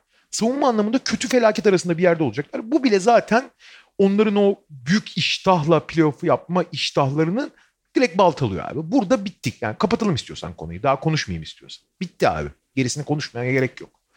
Fakat şöyle bir durum var abi. Bu takımın iştahı ile ilgili şöyle bir problem var. Bu takım satılmaya çalışılıyor. Ve pandemi yüzünden NBA takımları kapış kapış giderken pandemi yüzünden bir türlü istedikleri fiyatı alamıyorlar. E, satmaya çalışıyorlar takım yani. Şu anda NBA'deki tek satılık takım bu. Hı hı. E, potansiyel alıcılar da geri çekildi pandemi yüzünden. Şimdi ve bu takımın bir şeyler göstermesi lazım. Çok büyük bir playoff iştahı var vesaire. Fakat bu savunma yapısıyla, personeliyle, koçuyla vesaire olmayacak bu iş. Geçelim gerisi. Fakat daha da büyük bir problem var abi. Daha da büyük yani. O da şu. Abi Şimdi bu takımın merkezine kimi koydum? Tabii ki Carl Anthony Towns'u koydun değil mi? Bunu konuşuyorduk. Daha iki sene önce, çok uzak değil. iki sene önce NBA genel menajerleri arasında yapılan ankette bugün takım kursan bir numara olarak hangi oyuncuyu yerleştirirsin dediğin oyuncu Carl Anthony Towns. Olağanüstü bir yetenek. Olağanüstü. Geçen senenin ilk yarısında yaptıklarını hatırlıyorsun değil mi? Hı hı. Yakıp yıkıyordu ve şey gibi onun en verimli olduğu senaryoları kullanmaya başlar. Nasıl Nikola Jokic takımın bir numaralı oyun kurucusu olduktan sonra çok özel bir oyuncu dönüştü. Carl Anthony Towns da bu takımda artık iki numara oynuyor. Hücumdaki rolü iki numara rolü yani neredeyse. İçeriden oynayabilen bir iki numara gibi. gibi abi. abi maç başına beş tane falan üçlük atıyor ya. Yani inanılmaz ve muazzam yüzdelerle atıyor yani. Abi pozisyonları artık başka türlü tanımlamak lazım basketbolda. Rollerle tanımlamak lazım. Buraya kadar iyi. D'Angelo Russell'ın da çok önemli bir skorer olduğunu bir takım eksik, yani hiç foul alamamak gibi bir takım eksikleri olmasına söylemek lazım. Ben hiç sevmiyorum ayrı konu. Yani hayatta hani en son alacağım oyunculardan biridir yani. Fakat abi şimdi bu iki oyuncuyu aldığın zaman bunların savunma defeklerini falan böyle. Abi bunların zihniyetlerinde çok büyük problem var. Sen dedin ya çok eğlenceli takım olacak diye. Ama playoff yapacaklar. Abi onlar yani hep söylediğim bir şey var. E, oynamak için oynamakla bu ciddiyetsizlikten falan bahsetmiyorum oyuna yaklaşımın, oynamak, iyi oynamak için oynuyor Minnesota tamam mı? Hı hı. Yani bu oyuncuların şeylerinden, profesyonelliklerinden falan bahsetmiyorum. İyi oynamaya çalışıyor. Ama kazanmak için oynamakla iyi oynamak birbirini etkileyen ama birebir aynı şeyler değiller abi. Ve bu takım iyi oynamaya çalışırken kazanmak için oynamaya çalışmıyor. Ve Carl Anthony Towns ve D'Angelo Russell lider oluşu bu olmayacak. Ricky Rubio'nun gelmesi çok önemli. Ricky Rubio gerçekten çok önemli bir lidere dönüştü. İspanya milli takımında gördük abi. Çok büyük karakter abi Rubio. Bir sürü eksiği var vesaire. Yani Ben Simmons'ın bir başka türevi aslında ama hem savunmacı hem de çok büyük lider. Neyse ki Ricky Rubio'yu geri aldılar. Burayı da biliyor, oyuncuları da tanıyor. Liderlik de edebilir. Ama abi nereye kadar? Nereye kadar yani? Ve burada çok ciddi bir koç değişikliği olmadan bu konuda bu konuda zaten büyük bir ilerleme kaydedemezsin kolay kolay. Ama koç değişikliği falan olmadan da bunun çok değişeceğini düşünmüyorum. O yüzden çok eğlenceli olacaklar. Hücumda ritim bulduklarında tuhaf galibiyetler de alacaklar ama o ta- yarıştıkları playoff yarışında olmalarını ben imkansıza yakın görüyorum. Ya. Yani şöyle bir şey var. Şimdi D'Angelo Russell'dan tekrar tekrar dönüp bahsetmeyelim. Russell Russell zaten ama ilk 5 oyuncun zaten e, onun etrafında takım kuruyorsun. Carl Anthony Towns'dan da bahsettin. Hani bütün elindeki potansiyele rağmen istese çok iyi bir savunmacı olabilir. E, onun etrafında iyi bir savunma takımı kurgulayabilirsin. Fakat herifin alakası yok. Bir türlü ona adapte olamıyor. E, Edwards da birinci sıra Edwards'da zaten drafta girerken beraberindeki soru işaretleri onunla ilgili olarak şunlardı çoğunlukla. Yani çok yetenekli oyuncu ama motor sürekli açılıyor, kapanıyor. Aynı şeyle oynamıyor, motivasyonla oynamıyor, savunmaya çoğu zaman takılmıyor falan gibi problemler. Üç tane böyle adamım var. Koy yanına şeyi Malik Beasley'i çok ciddi bir kontrat verildi tutmak için. Malik Beasley ile Bu arada- beraber e, benzer Bu şeyler. arada geliyor. Malik, Malik Beasley'nin yaşadığı skandal da çok bir acayip değil var. ya? E, Aynen. bu şey bu arada bilmeyenler için söyleyelim. Yani işte evli Malik Beasley bir hanımefendiyle basılıyor demeyelim de resimleri çekiliyor. Hanımefendi çok ilginç abi. Scottie Pippen'ın eski karısı. Kendisinden 25 yaş büyük. Çok acayip abi. inkar etseydi keşke. abi bir de çok tuhaf lan yani. Hani. Malik Beasley de yani bir de e, ona da yer bulmak durumundasın ve bu defa kısalıyorsun biraz falan filan. E, burada yani Culver ve Okogi ki geçen sezon biraz hayal kırıklığı olmuşlardı. Adım atabilecekler mi? Önemli noktalardan biri olacak Minnesota için. Rubio senin de söylediğin gibi neyse ki Rubio'yu aldılar. Onun varlığı çok değerli ama ona biraz destek gerekiyor. Okogi ve Culver o desteği verebilecekler mi? Biraz daha böyle versatil olma ihtimali e, bulunan ve iki tarafı dengeleyebilecek oyuncular olarak. Küçük olumlu olarak şeyi de söyleyeyim. İşte e, senin söylediğin o çıkış yakalaması beklenen işte Culver ve Okogi, Jordan McLaughlin'ı da ekleyelim o konuda. Şey eklemesi çok detay bir ekleme belki ama bence önemli. Rondae Hollis Jefferson. E, çünkü Carl Anthony Towns gibi iki numara gibi oynayan bir uzun olduğu zaman Rondae Hollis Jefferson hı. bir şut atmayan bir oyuncuyu barındırabiliyorsun. Ve Evet. Onun çok yönlü savunmacılığı bir katkı. Ama ben burada Sandurs'a hiç güvenmiyorum abi. Ya bu takımı kazanmak için oynamaya yönlendirecek ve öyle kurguyu, teknik kurguyu kurabilecek bir koç değil. Arkadaş olmaya çalışıyor çünkü. Yani orada esas koçluğu yani koçluk vazifelerini yapacak isim Ricky Rubio ama bir yere kadar abi. O yüzden de maalesef iyi bir senaryo görmüyorum onun. Şey söyleyeyim abi bu arada sen söyleyince ya McLaughlin'i henüz kontrat yapmadılar yeni. O- Ha, evet mi? evet. Ee, ya bir yandan kontrol ettim de evet roster'da da yok abi. Free agent bekleniyor yani bu arada hani ama henüz kontrat yapmadı kimseyle. Ha, iyi. Ben de onu Abi, takipteydim bak- abi bir süre. Yani başka takıma da gidebilir. Çünkü sessiz sedasız başka bir takım için de mesela enteresan bir transfer olabilir Jordan McLaughlin. Şöyle söyleyeyim. Eğer bir şekilde ben başka yani kesin uyanık bir iki bir takım 15. oyuncu olarak falan alacaktır. Bir şekilde Avrupa'ya düşerse de çok iş yapabilir ya. Bence düşmez abi. Ama Bence de, bence de. yani Bence biraz arkalara kaldı. Her an kontrat alabilir. Yani bir taraftan baktım evet şey Minnesota'nın rosterında değil başka bir tarafa da gitmedi. Umarım hata yapmamışımdır. Ee, peki Pasifik'e geçelim. Geçelim abi. Tabii dereceyle gidiyoruz. Lakers'la başlayacağız. Rob Pelinka off-season yani free agent şeyi açılmadan önce birkaç gün önce enteresan bir röportaj vermişti. Bir podcast'te mi katılmıştı hatırlamıyorum ama şey dedi. Şampiyon takımlar için en büyük tehditlerden, tehlikelerden biri rehavete kapılmak dedi. Ben ilk duyduğumda hani biraz oyunculara yönelik mi bunu, oyunculara mesaj olarak mı söylüyor acaba dedim. Çünkü o da işin bir noktası. Fakat o bütün bir kulübü içine alarak, kapsayarak söylüyormuş. Yani işte ben şampiyon oldum, zaten başarılı oldum, takım bozmayayım gibi bir yönetim aksiyonsuzluğunu da kastetmiş. Ve bence çok iyi bir yaz geçirdi. Çok doğru, Müthiş. müthiş. Kesinlikle mesela en onun e, sembol ismi de Rajon Rondo. Bubble'daki belli performanslara kanmadan, o şampiyonluğun e, şeyine, rehavetine kapılmadan eksikleri tık tık tık koyup ortaya bunları doldurmaya yönelik kadroyu takviye etmeye, geçen sezonun eksiklerini kapatırken bu sezonun ihtiyaçlarını da olası ihtiyaçlarını da karşılamaya yönelik bir yaz geçirdi ve hemen hepsini de yaptı bence. Kesinlikle abi. Kesinlikle.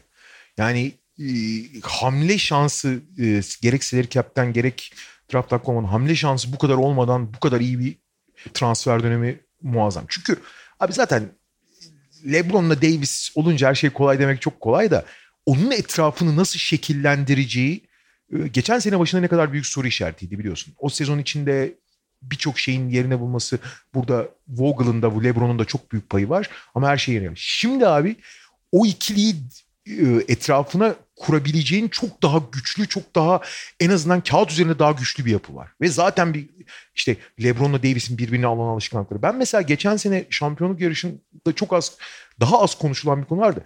Abi Davis'in kendisini bulması çok önemli. Abi Davis çünkü biliyorsun motoru çok yüksek oyunculardan biri değil. Hı hı. Ligin en özel yeteneklerinden biri belki de birincisi ama motoru abi geçen seneki bubble atmosferinde Davis'in nasıl bir süper yetenekten süper oyuncuya dönüştüğünü gördük değil mi? Bu bir, bir başlı başına bir kazanım. Yani onu geçelim. Burada LeBron'un falan payı çok büyük. LeBron zaten abi yani bütün bireysel yaptıkları dışında etrafına yaydığı enerji ve etrafındaki Kyrie'yi falan adam etti abi. Anthony Davis adam etti demek istemiyorum ama başka oyunculara dönüştürmek çok acayip bir şey abi. Hı hı. Ve etrafındaki diğer işte Rondo'sundan şeyine kadar. Şimdi abi çok daha iyi tamamlayacak parçalar var. Şimdi bakıyorsun kimleri ekledi. Abi şimdi Alex Caruso ve Montrezl Harrell çok dikkat çekti değil mi? Çünkü en iyi 6. adam ödülündeki ilk iki adam. Hı hı. Yapabildikleri. Deniz Schroeder muazzam delici Montrezl Harrell iyi bir sapan. Bir takım eksikleri de var ama. Mesela savunma yapamıyorlar. Deniz Schroeder'den karar vermesini beklediği zaman çok saçmalıyor.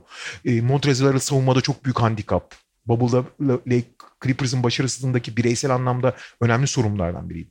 Fakat abi Deniz Schroeder ve Montrezl Harrell'dan yapma, yapabildiklerini isteyip onların yapamadığı şeylerin sana zarar vermeyeceği bir senaryo bu.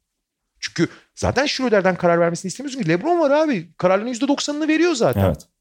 Ha LeBron ve Davis muhtemelen bu sezonu bence bu sezon Lakers geçen sene gibi olmayacaktır. Normal sezon için konuşuyorum. Biraz Cleveland Lebron Le, e, LeBron'lu Cleveland'lara dönecek. Normal sezonu ikinci viteste geçecekler bence.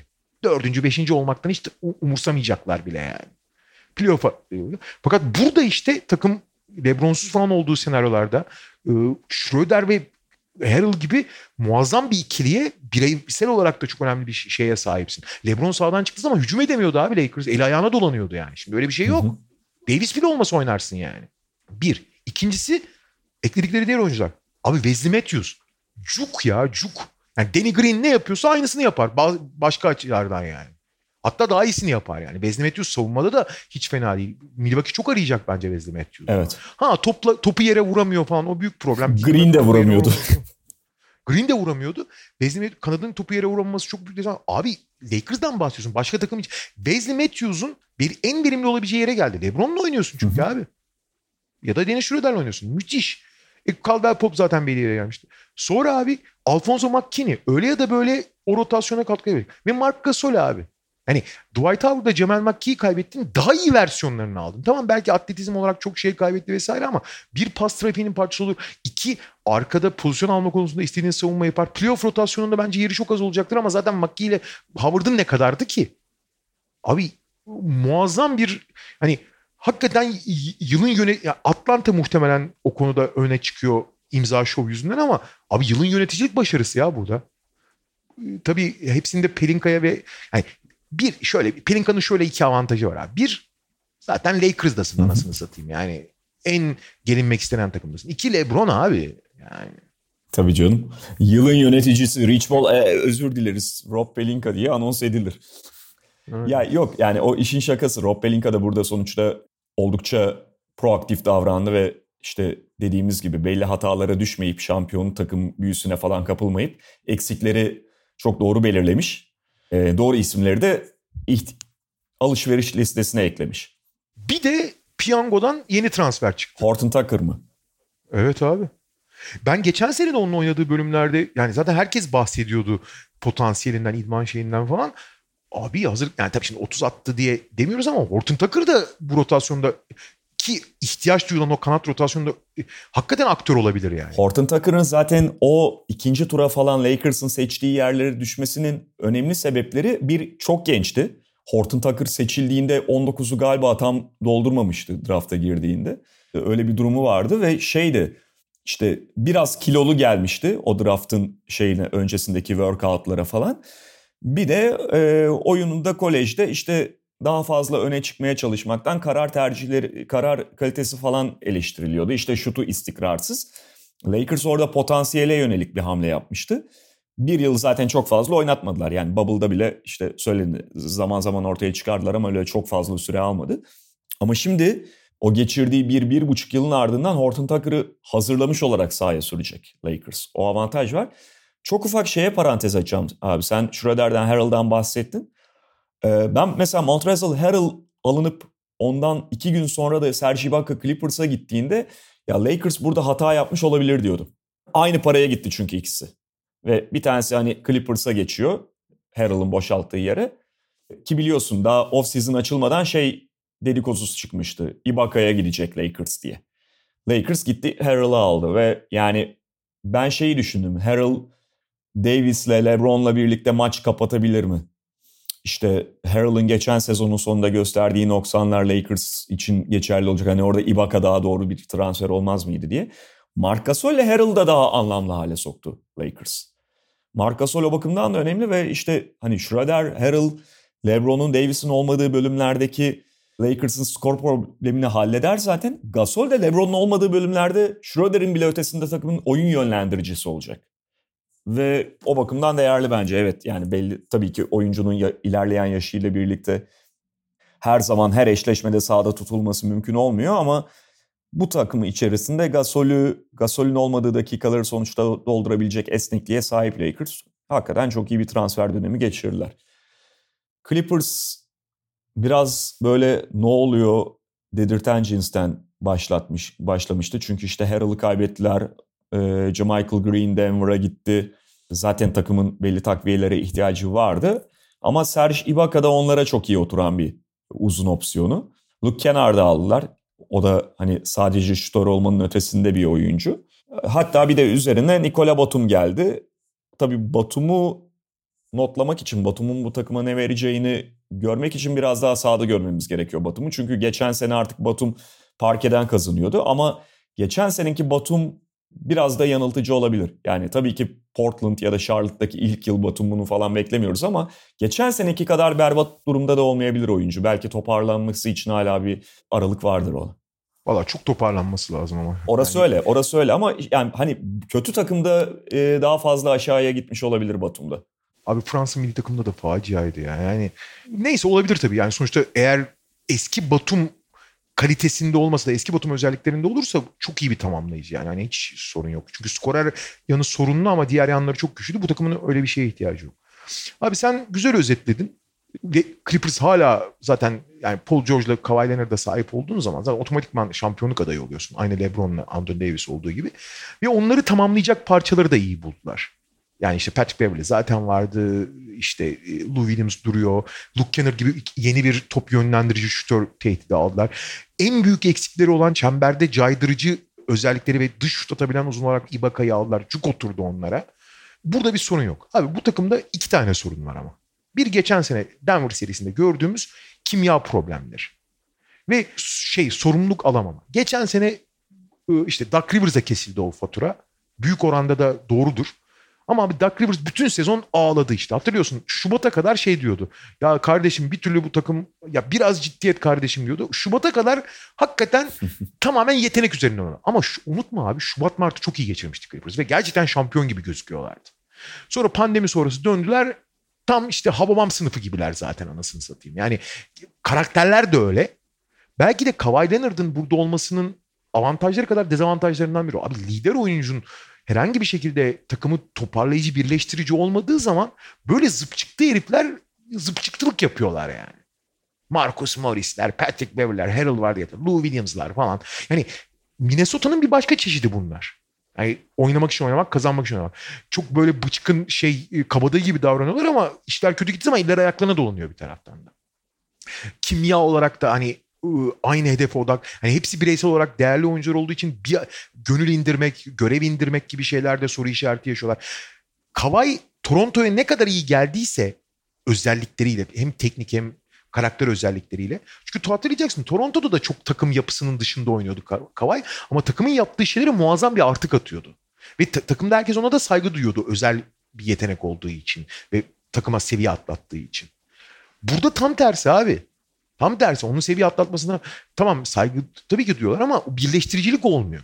Şimdi Tronlu'nun en büyük görevi bu takıma bir accountability denen yani şey hesap verilebilirlik getirmek. Yani zıp çıktılık yapacaksan, takım ideallerinden uzaklaşacaksan Morris'ler, şeyler herkes için geçerli bu hemen hemen. Zubat ve şeyi saymıyorum Kavay'ı. Bunu yapabilecek misin? Ki geçen sene öyle büyük bir tokat yediler ki bence bir kendilerine gelmişlerdir. Ha kazanmak için oynadığın zaman yani iddialıyken o iddianın altını çizemezsen şeydi bu biliyorsun kabadayılar kofti de olurlar. Hı hı. İşler kötü zaman hemen çamura yatarlar ki bu takım çok uygun. Geçen sene Denver serisinde gördük.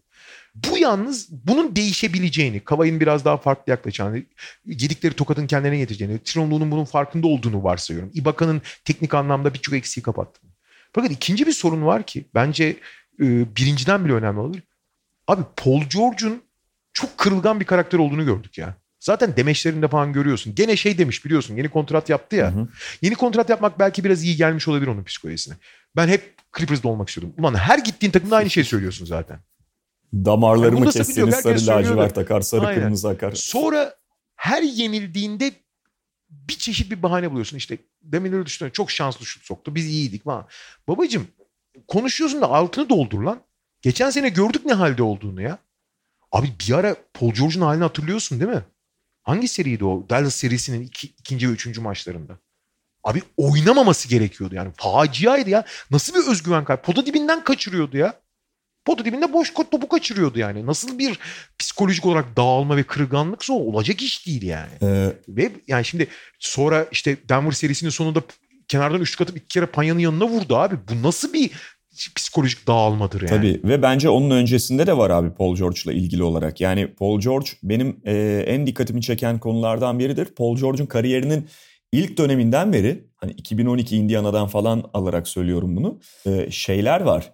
Çok iyi oynadığı iki haftalık falan dönemler bir de çok böyle dağıldığı iki haftalık dönemler oluyor. Bu biraz Abi şeye şimdi işaret dağılmak ediyor. var dağılmak Şimdi var bu ya. şeye işaret ediyor yani. Oyuncu özgüveni arttığında, kendini bulduğunda bambaşka bir seviyeye gelebiliyor. Ama işler kötü gittiğinde de kendine güveni çok hızlı dağılabiliyor ve kolay kolay toparlayamıyor. Bundan bir buçuk sene önce şeyi hatırlarsın. Acayip oynuyordu. Ufak bir om- o omuz sakatlığı yaşadı ya. Ee, yani Hı hı. omuz sakatlığı tamam zaten doğrudan bir faktör e, senin performansını, şutunu bozabilir de kafam takılıyor gibi bir şey dedi orada. Ki sen acayip oynuyor dediğin dönemde MVP adayı olmuştu abi. Harden ve Antetokounmpo e, çıtayı arşa çektiği halde onlarla aynı tartışmaya girmişti Hı hı. abi. O seviyede oynuyordu yani. Ve bu hani demeçleri işte Doug Rivers'ın arkasından konuşması, ona sallama bilmem ne e, çok sağlıklı mental yapısının o bakımdan çok sağlıklı olmadığını gösteriyor. Ve hep hep sığınacak bir bahane aramak falan bunlar hiç mi şey güçlü sporcu karakteri özellikleri Evet. değil. Paul George E, Pearl George oluyor ama dediğin gibi o kontratı imzalamış olmak da belli bir rahatlık getirebilir oyuncuya. Yani belki en azından ulan tamam artık buradayız e, kabulüne varabilir. E, Phoenix Suns. Bubble'ın yıldızı Vay. Phoenix Suns. Zaten sezonun na hocam sezonun na, na mağlup bitiren tek takım e, şeyi sönümü. tabii canım. E, Mart'tan beri yenilmeyen tek takım. Yani normalde Öyle onların öyle şampiyon olması gerekti. Mart Evet. tabii şey bilmem kaç güne tekabül ediyorsa onu yazıp Phoenix gazeteleri şu kadar gündür Hocam yenilgi bak, yüzü görmeyen Mart'tan, Phoenix Suns. Mart'tan aralığı 9 aydır mağlubiyet yüzü görmüyorlar kardeşim. Gerçi orada şey de diyor. New York'ta çıkıyor biliyorsun. New York pandemiden önceki son maçı kazandığı için Mart'tan beri biz de kaybetmiyoruz diyor. Phoenix'in bileği bükülmüyor. Phoenix'le New York namağlup ekipler olarak geliyorlar. Onlar da hani şu Ricky Rubio'nun daha böyle hücumda liderliği iyiden iyiye ele alabilecek, daha e, skorer tehdidi yükseğini alabilir miyiz diye düşündüler. Ya da düşünmediler ve Chris Paul'u getirdiler. hani bu takıma zaten liderlik etmesini isteyebileceğiniz daha ideal bir oyuncu var mı bilmiyorum. Kontratı falan ayrı konular ya da işte oyuncunun yaşının ilerlemiş olması. O iki sene sonra ya da bir sene sonra daha düşünülecek bir mevzuya dönüşebilir ama şu an için bu sezonu düşünürsen sonuçta şunu atlamayalım abi. Phoenix'in artık bu sene playoff yapması gerekiyor. Sadece Doğru. geçen sene Bubble'da yenilgisiz gittikleri ve bir takım şeyler vaat ettikleri için değil. Phoenix eğer bu sene de bir şey ortaya koymazsa bu defa Devin Booker yeter lan ben gidiyorum diyecek. Demeye başlamıştı zaten. E, dolayısıyla bu sene onlar için ya hep ya ya hiç şeyi ve Chris Paul da bu senaryoda bu takıma liderlik edebilecek belki en ideal oyuncu. Ve şey önemli abi. Şimdi geçen seneki şimdi Bubble'da Miami'de öyleydi. İşte kısmen San Antonio'da, Phoenix'te. Bubble'ın yıldızlarının aynı performans tabii ki önemli çıkışlar yakalaması değerli ama aynı performans çok yakalamasını beklemiyorum. Bunu daha uzun vadeli bu sezona yansıyacak şekilde beslemek lazım. Ki Phoenix de bence o konuda iyi işler yaptı. Yani Ricky Rubio'nun getirdiği hemen hemen her şeyi getirip işte liderlik, savunma, organizasyon vesaire onun şut zaafı olmayan versiyonunu alıp yaşı ilerlemiş olsa da devamlılık konusunda sorunları yani bütün sezon oynayabilecek mi soru işareti çıkıyor. Çok büyük sakatlık problemi vardı. Geçen sene yaşamadığı için göz ardı edilse de hala var. Poli getirdiler. Bu bir. İkincisi diğer hamleleri de çok kritik yaptılar abi. Abi Jay Crowder. Yani modern oyunun en ihtiyaç duyulan oyuncularından biri. Tamam Miami'de çok ekstra bir performans göstermiş olabilir ama abi ona yakın bile gösterse yeter. Fizikli kanat. Daha ne olsun abi şut sokabilen falan. E onları geçen sene Bubble'da çok öne çıkaran Devin Booker'ın performansı bir yana Michael Bridges'ın gelişimi. Abi Michael Bridges ideal kanat oyuncusuna dönüşmüş durumda. Yani ligin en iyi birebir savunmacılarından biri kanatta. Şutunu sokuyor, etkili vesaire. Keza Cam Johnson abi muazzam bir şutör olduğunu zaten biliyorduk. Savunmada e, Michael Bridges'le yayın olduğu zaman sırıtmadı da. Yani Michael Bridges, Jay Crowder, Cameron Johnson üçlüsüyle çok sağlam, iki taraflı oynayabilen, ciddi şut tehdidi yaratan, alan açan falan muazzam bir kanat rotasyonuna sahip oldular ki bu Paul Booker ve DeAndre Ayton'ı acayip tamamlayacak bir kanat rotasyonu. E zaten ana, rota, ana aktörler kimler? Paul Booker, DeAndre Ayton. DeAndre Ayton geçen sene ilk çaylak sezonunda felaket bir savunmacıydı falan ama en azından artık fiziğini kullanmayı öğrendi. Vasatı yakaladı ki bu yeterlidir zaten. İnanılmaz fizikli bir oyuncu. Booker gibi bir süper yıldız potansiyelli oyuncun var. Baba bütün sac ayaklarını tamamladın sen ya. Artı bir de detay olarak bence mesela Etwan Moore ve Langston Galloway eklemeleri de belki 9. 10. 11. oyuncu olarak hiç şey değil. Güzel hamleler yani. Ee, komple bir takıma dönüşmüş durumda abi Phoenix. Bence de, bence de. Ve onları e, Monty Williams'dan önce en çok zorlayan işte Minnesota'dan bahsettiğimiz öylesine oynayan takım kimliğini tamamen attıkları gibi çok daha sağlam, doğru zihniyette, doğru şekilde yaklaşan ve her bir parçası teknik anlamda da sağlam bir takım oldular yani. Ee, tek bir soru işareti var benim aklımda. O da bu seneye yönelik değil. Ee, başka bir şey. Ve oyuncuyu da çok tanımadan söylüyorum bunu. Yani biraz pozisyonuna ve Phoenix'in elindeki oyunculara bakarak. Draftta 10. sırada seçtikleri Jalen Smith yerine farklı pozisyona oyuncu alabilirler miydi acaba? Yani evet Aiton'un arkasına birini alıp hem 4 hem 5 oynayabilecek bir oyuncu gibi düşündüler belki ama şu anki Jalen Smith ne kadar 4'te alabilecek ya da Aiton'un arkasında ne kadar süre alıcı, al, e, kalacak? Jalen Smith'in arkasında seçilen bazı oyuncular acaba Phoenix'i pişman eder mi? Bunları düşünüyorum. İki sıra arkasında birazdan konuşacağımız Tyrese Halliburton seçildi mesela. Bir sıra arkasında da Devon Vassell seçildi. Ama yani o e, hani uzun vadede izleyeceğim bir şey. Ama bu sene işte Chris Paul'la birlikte çok daha iddialı Phoenix orası zaten ortada. E, Sacramento'ya geçelim o zaman. Halliburton da dedik. Geçelim. Ee, tabii Sacramento'nun da kayıpları var ve bununla birlikte yani yine ilginç bir kadro ama benzer aslında geçen sezonki zayıflıklarını da bu seneye aynı anda taşıyan bir kadro. E, Halliburton, draftta aldıkları Halliburton gerçekten çok iyi bir ekleme olabilir. Fakat onun haricinde ne kadar acaba kadroyu takviye edebildiler? Ve bazı aslında Giles gibi ellerinde tutmaları gereken oyuncuları kaçırdılar mı? Ve onun yerine Whiteside'ı getirdiler mesela. O yine soru işareti yarattı. Yani Sacramento Kings yine eğlenceli bir takım olur da geçen sene onların başarısız olmalarını, başarısızlıklarını ortaya çıkaran şeyleri halledebildiler mi hiç emin değilim. Ben de emin değilim ee, ki onların en büyük sorunlarından biri de Buddy Hield'ın e, primadonna halleri yani diva halleriydi. Biliyorsunuz zaten yani yeni kontrat isterken kullandığı dilden sonra kontrat aldıktan sonra takım içini yani takımı baltalaması, performansın düşmesi falan gibi şeyler söz konusu. ikinci beş alarak kurtuldular adamdan yani. Hı hı. Ha Bogdan Bogdanovic'i kaybetmek çok büyük ayıp. Ama bu takımın abi yüksek tempo oynadığı zaman verimli olabilecek bir yapısı var. Orası kesin. Çünkü Darren Fox yani yüksek temponun premier guardlarından biri ve geleceklerinde ona tamamen bağladıklarını, temel oyuncu haline getirdiklerini gösterdiler abi.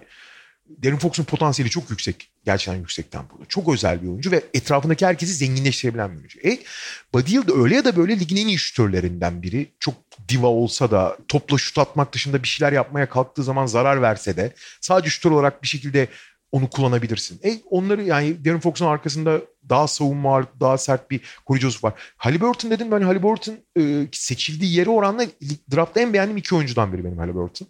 Halliburton gerçekten iyi katkı verebilir. E Harrison Barnes abi hep e, işte yan parça olarak belki yetersizliklerden bahsediyor ama çok sağlam yani ondan istenen eğer e, kapasitenin üzerinde şeyler istemediğin sürece onları fazla fazla veren de bir oyuncu. Hı hı. Modern oyuna da çok uygun. 3 oynayabiliyor, 4 oynayabiliyor, değiştirebiliyorsun. Burada so yani Richard Holmes inanılmaz yırtıcı bir uzun ve yüksek tempo için çok değerli. E Hasan Whiteside tamam hiç güvenmesen de kısıtlı bir rol alabilmek için iyi bir en azından sigorta vesaire. Burada abi soru işaretleri şeyde ortaya çıkıyor. Tabii ki yani e, Buddy Hield en büyük soru işareti performansından. Bir hangi tempoda oynayacaklar? Biliyorsun geçen sene yavaş oynamaya kalkmışlardı sezon başında. Feci olmuştu yani. ha yüksek tempoda çok verimli olabilecekler mi falan. Ve abi Marvin Bagley. Yani çok yatırım yaptıkları ve çok suçlandıkları. Çünkü Doncic'in önünde seçildiği için yani bütün şey onun üzerinde e, beklenti. Ve abi Marvin Bagley potayı yakın oynamak zorunda olan bir oyuncu olarak spacing problemleri yaratıyor yaratması. Onun dışında ama artıları da var mesela yerden çok çabuk sıçrayabilen bir oyuncu vesaire falan. Eleştirildiği kadar kötü değil belki ama sahaya çıkamıyor ki abi. İki senedir kaç maç kaçırdı ya? Kaç değişik sakatlıkla kaçırdı yani. Ama iyi senaryoyu düşünürsen yüksek tempoda oynayan işte Buddy Hield'la, Harrison Barnes'la, sağlıklı bir Bagley ile Richard Holmes'la gerçekten onların temposuna yani iki sene önceki Yogurt takımı gibi onların temposuna ayak uyduramayan her takımı sürklase edebilecek de bir şeyleri de var. Kırıcı güçleri. Ha bunu devamlılıkla savunma disipliniyle falan birleştirebilecekler mi? Darren Fox mesela iyi bir savunmacı abi pozisyonu için. Yani hiç geçilmiyor kolay kolay. Buddy Hield'ın umurunda değil ama idare edersin. Harrison Barnes, Marvin Bagley, Richard Holmes'la belli bir savunma kurgusu da kurabilir. Ama yüksek tempoda o savunma disiplini korumak, devamlılık bunlar çok önemli soru işaretleri. Bu kadar kazanmayı bilmeyen bir takım. Bunları onlara aşılayabilecek bir koçu var mı falan. Buralar hep takımın inişli çıkışlı performans gösterip veya işler kötü gittiği zaman çok dağılabilecek bir potansiyel olduğunu gösteriyor. Ama işte iyi gittiği senaryoda da hakikaten çok tehlikeliler yani. O noktada Hasan Whiteside devreye giriyor. ya gerçekten hiç devamlık biraz detay kalıyor olabilir yani Sacramento'nun bu sezona bakışımızda da ben Hasan Whiteside hamlesini hele hele yani Harry Giles'ı Harry Giles'ın gitmesine göz yumup Whiteside'ı almayı hiç anlayamıyorum.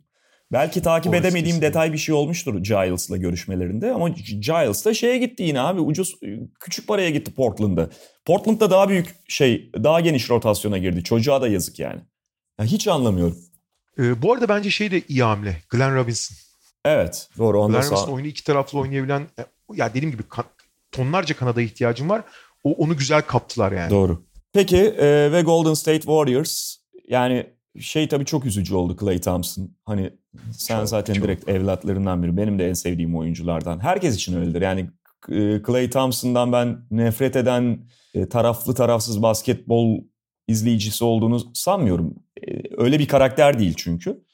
Valla eğer herhangi bir şekilde olumsuz bir düşünceniz varsa da internete China Clay yazın. Yani Çin'deki Clay sempatinizi kazanmama ihtimali yok yani. Ve yani, yani ligin de en değerli oyuncularından biri olarak çapraz bağ üstü Aşil koparmış oldu. E, sahaya dönebildiğinde belki 3 sene geçmiş olacak son basketbol yer aldığı tarihin üstünden. E, bildiğimiz Clay Thompson'ı tamamen kaybetmiş olabiliriz. Bu başlı başına üzücü bir durum. Ve Clay Thompson artı Curry'nin dönüşüyle bu takım tekrar e, çok merak uyandıran yani sadece izleme anlamında değil acaba Batı konferansında gelecekleri yer ne olur sorusunu sorduran bazılarının şampiyonluk adayları arasında tekrar yazdığı bir takımdı Golden State Warriors. Şimdi o kadar yukarıda bir statüyü kaybettikleri kesin ama bir playoff yarışmacısı olabilirler mi? Bu soru da geçerli hala Golden State için. Çünkü Clay Thompson sonrasında sakatlığı sonrasında hemen bir Kelly Oubre hamlesi yaptılar.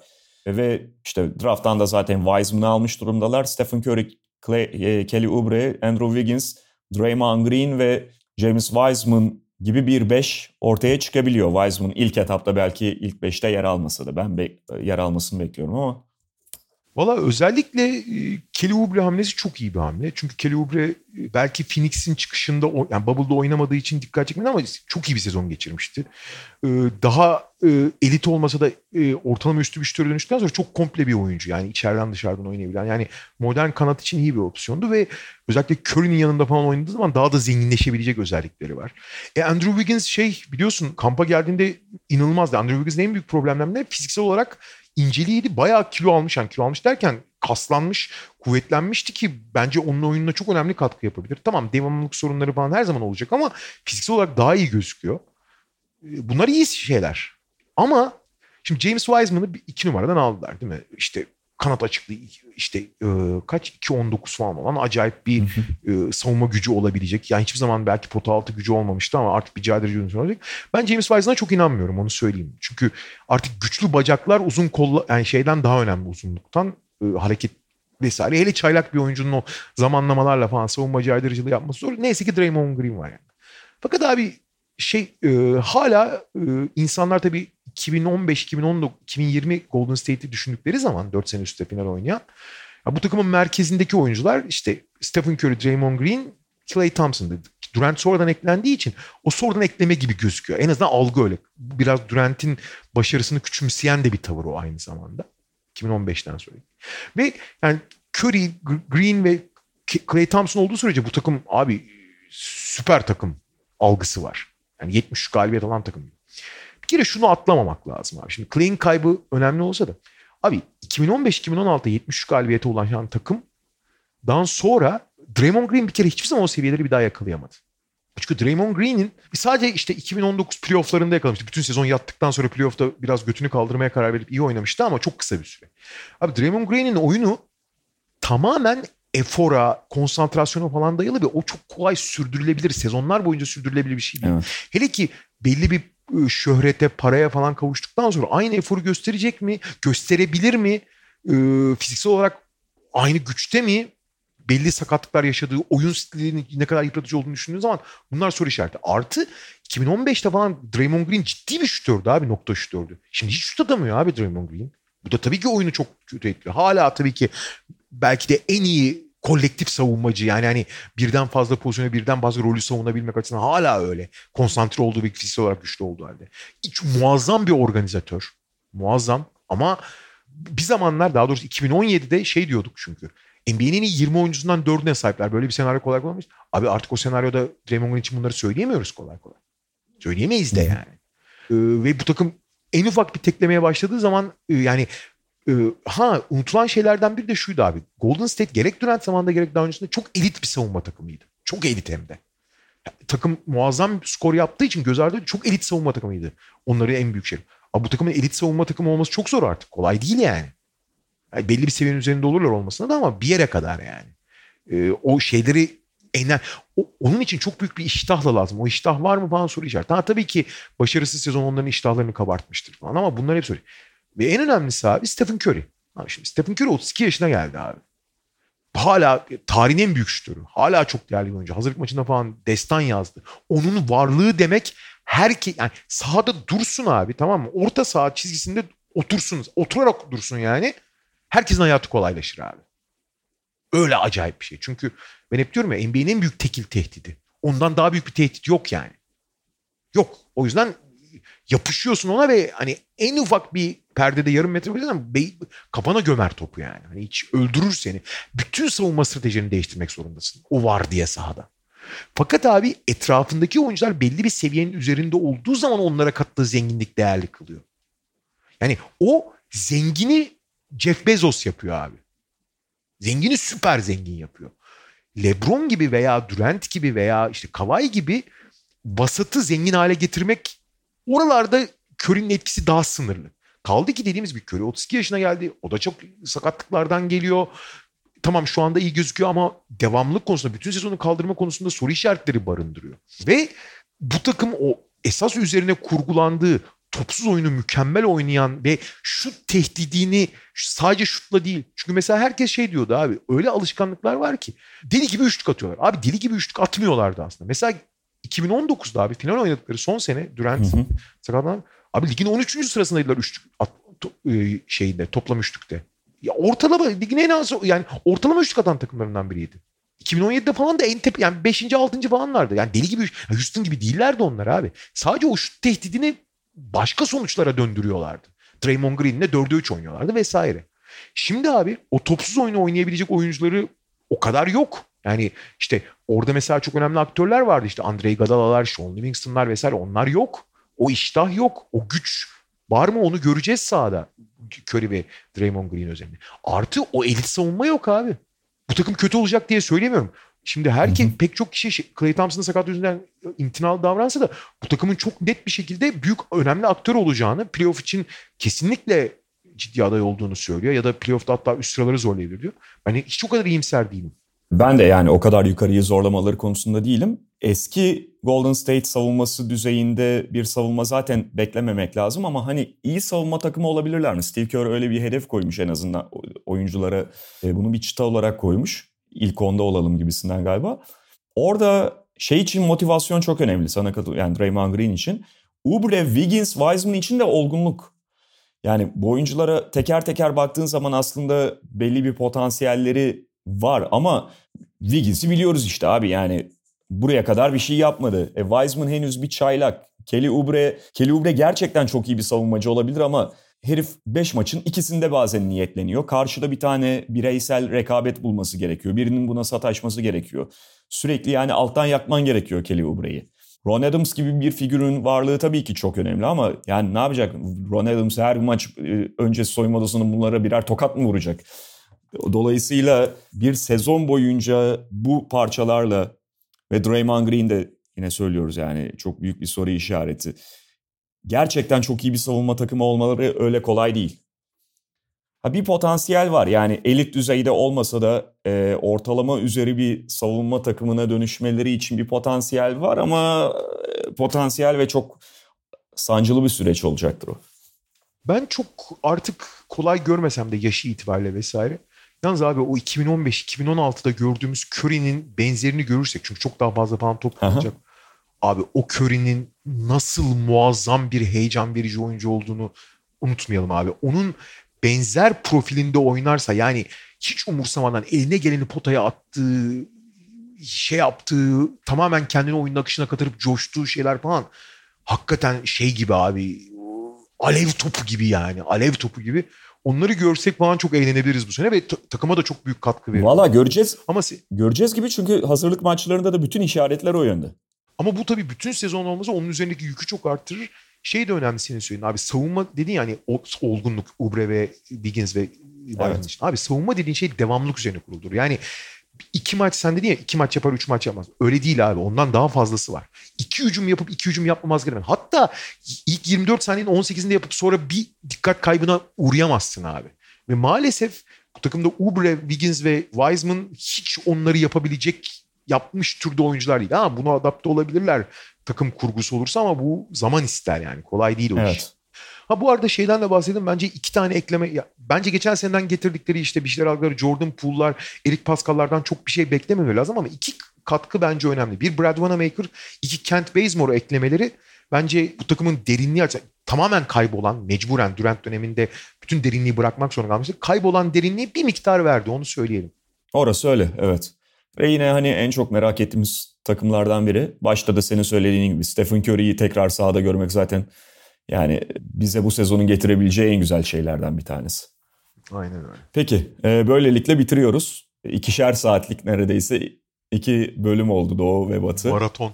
Açılışı böyle yaptık sezonda Potakest'te. Tekrar görüşmek üzere haftaya. Hoşçakalın. Hoşçakalın.